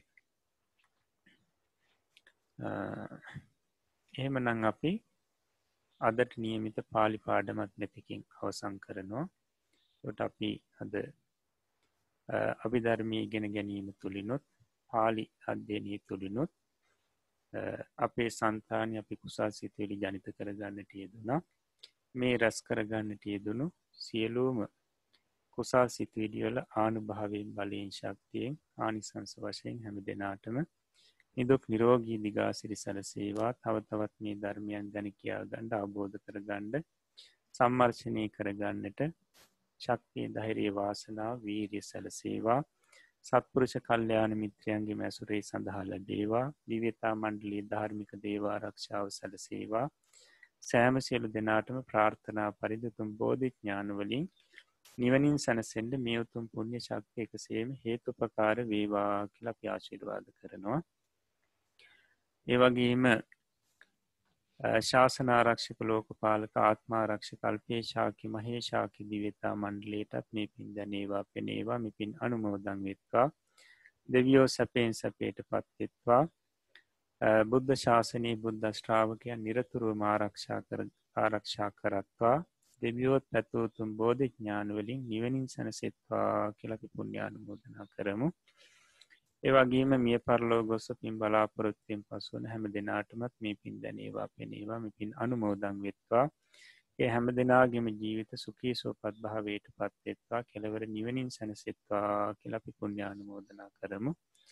ඒවගේම මේ ධර්මයන් අපිට කියා දුන්න ගුරුතුමන් වහන්සේලාටත් හදා වඩා පෝෂණය කරපු දෙමවපියන්ටත් ශාස්තනික මවුරු පියවරු සහෝදර සහෝදරියන්ටත් බුද්ධ ශාසනය වෙනියෙන් කාලේ ධනී ශ්‍රමී කැප කරලා මේ වෙනකොට ගිලම් බවින් පසුවන හැම දෙනාටමත් ඒ වගේම මේ වැඩ සටහන විකාශනය කිරීම සඳහා මූලිකත් අරගෙන කටයුතු කරන සෑම සියලු දෙනාටමත් මේ උතුම් පුුණ්‍ය ශක්තිය ජීවිතයට ආශිර්වාදයක්ම වේවා නිදුක් නිරෝගී දිගා සිරි සැල සේවා සම්යක් ප්‍රාර්ථනා මුදුන් පත්වේවා කෙලවරුතුම් නිවනින් සැනසෙත්වා කෙලපි ආශිර්වාද ප්‍රාර්ථනා කරනවා. ඒ වගේම මේ උතුම් පුුණ්‍ය ශක්තිය අප හැම දෙනාටම සතර මාර්ග සතර පල පිළිවෙලින් උතුම් නිවනින් සැනසෙන්න්නටම හේතුපකාර වේවා කියෙන ප්‍රාර්ථනාව ඇති කරගෙන මං කීවට පසු මේ වාකය කියමින් නිවන්සුව ප්‍රාර්ථනා කරමු. ඉදම් මේ පුං්ඥකම්මං ධම්මේ පුඤ්ඤකම්මං ආසවක්ඛයා වහං හෝතු ආසවක්ඛයා වහං හෝතු සබ්බ දුක්ඛා පමුංචතු සබ්බ දුක්ඛා පමුංචතු මාගේ මේ පුණ්‍ය ධර්මය මාගේ මේ පුණ්‍ය ධර්මය මාර්ගඵල නිවන් පිණිසම මාර්ගඵල නිවන් පිණිසම හේතු වේවා හේතු වේවා වාසනා වේවා වාසනා වේවා සාදු සාදු සාදු. පෞරාණික තේරවාදය ත්‍රීපිටක අධ්‍යන වැඩසටහනෙහි දහනමවැනි අභිධර්ම පාඩම තුළින් අද දවසේ මේ සාකච්ඡා කර අවසන් කරන්නට යෙදුනේ අසූ එක්වැනි රූපාවචර අරු සමාවෙන්න අසූ එක්වැනි අරූපාවචර සිත දක්වායි. මේ තාක් වැඩසටහන් දහනමයක් ඔස්සේ කාමාවචර සිත් රූපාවචර සිත් අරූපාවචර සිත් වශයෙන් චිත්ත කාණ්ඩයට අයත් සිත් අසු එකක් පිළිබඳව සවිස්තරාත්මකව අපි සාකච්ඡා කර අවසන් කරන්නට යෙදුණු. අද දවසේ මේ උතුම් වැඩසටහනට මාර්ගෝපදේශකත්වය සපයනට යෙදුණු ගෞරුවනීය ස්වාමීන්ද්‍රයාණන් වහන්සේ නම කියනට අවසරයි පූජනීය විනයාචාර්ය ගලේවෙල ඥානදසන ස්වාමීන්ද්‍රයාණන් වහන්සේ. ගෞරවනීය ස්වාමින් වහන්සේ මහත් ඕනෑ කමින් ඉතාමත්ම කැපවීමෙන් යුක්තව මේ පාඩම් කටයුතු සම්පාදනය කරලා අපට බොහොම පහසුවෙන් අවබෝධ කරගත හැකි ආකාරයෙන් ඉතාමත් සරලව විස්තරාත්මකව ත්‍රීපිටක ධර්මයට අටකතාවන්ට අනුකූලවම පෞරාණික ආචාර්ය පරම්පරාවකින් උන්වහන්සේ උගත් ආකාරයෙන්ම අත්තනෝමතින් වලින් බැහැරවම මේ ධර්මයේ ඊටාම පැහැදිලිව අපට කියා දෙන්නට අප තුළ නිදන් කරවන්නට තැන්පත් කරවන්නට මහත් වෙසක් ගන්න බව අපි කවුරුත් දන්නවා. ඒ නිසාවෙන් අද දවසේ මේ උතුම් වැඩසටහනට මාර්ගෝපදේශකත්වය සපයමින් මේ ලෞකික සිත් 81 මේ දක්වා පැහැදිලි කර දෙමින් අපිට ඒ ලෞකික සිත් 81 පිළිබඳව ඊටාම වටිනා සාරගර්භ පැහැදිලි කිරීමක් කළ ගෞරවනීය ස්වාමින් වහන්සේට මේ තුලින් ජනිත කරගත්තා වූ සකල විපුල කුසල සම්භාර ශක්තියම උන්වහන්සේගේ පාරමී ධර්ම මස්තක ප්‍රාප්ත වීම පිණිසම හේතුපනිශ්‍රේ වේවා කියලා ප්‍රාර්ථනා කරමු. ඒ වගේම නිවන් දක්නා ජාති දක්වා උන්වහන්සේටම මේ උදාහරතර කුසලය සත්පුරුෂ කල්යාණ මිත්‍ර ගුරුතුමන් වහන්සේලාගේ ඇසුර ලබමින් ධර්මානුධර්ම ප්‍රතිපදාව දියුණු පමුණු කරගන්නටත් ඒ වගේම නිදුක් නිරෝගී තිර ජීවනය සලසා ගැනීමටත් හේතුපනිශ්‍රේ වේවා කියලා අපි ප්‍රාර්ථනා කරමු. ඒ වගේම විශේෂයෙන් මේ ලෞකික සිත් 81 සාකච්ඡා කළ කර අවසන් කර සිටින අපිට මීළඟ සතියේ ඔක්තෝබර් 3 වෙනිදා සතියේ ඔක්තෝබර් 3 වෙනි සෙනසුරාදා දින වැඩසටහන බොහෝම වැදගත් වැඩසටහනක්. මොකද ලෝකෝත්තර සිත් පිළිබඳවයි අපි සාකච්ඡා කරන්නට යෙදෙන්නේ. විශේෂයෙන් බොහෝමයක් දිනෙකට තිබෙන කාරණාවක් දැන කියා ගන්නට තියෙන කාරණාවක් තමයි මේ සෝවාන් ඵලයට පත් වුනහම දැනෙන්නේ කොහොමද? නැත්නම් මේ සෝවාන් ඵලයට පත් වුනහම අඳුනාගන්නේ කොහොමද? සෝවාන් සිතේ ස්වභාවය කොහොමද? ආදී වශයෙන් ප්‍රශ්න රාශියක් තිබෙනවා. මම හිතන්නේ මීළඟ වැඩසටහන 20 වැනි අභිධර්ම පාඩම ඔබට ඒ සඳහා ඉතාම වටිනා වැඩසටහනක් වේවි.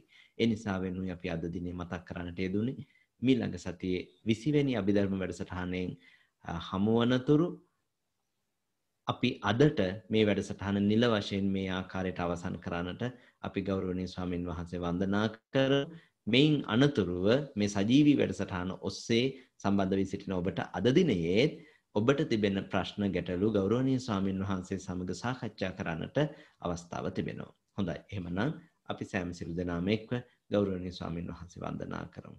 හොඳයි. අවසරයි ස්වාමීනි.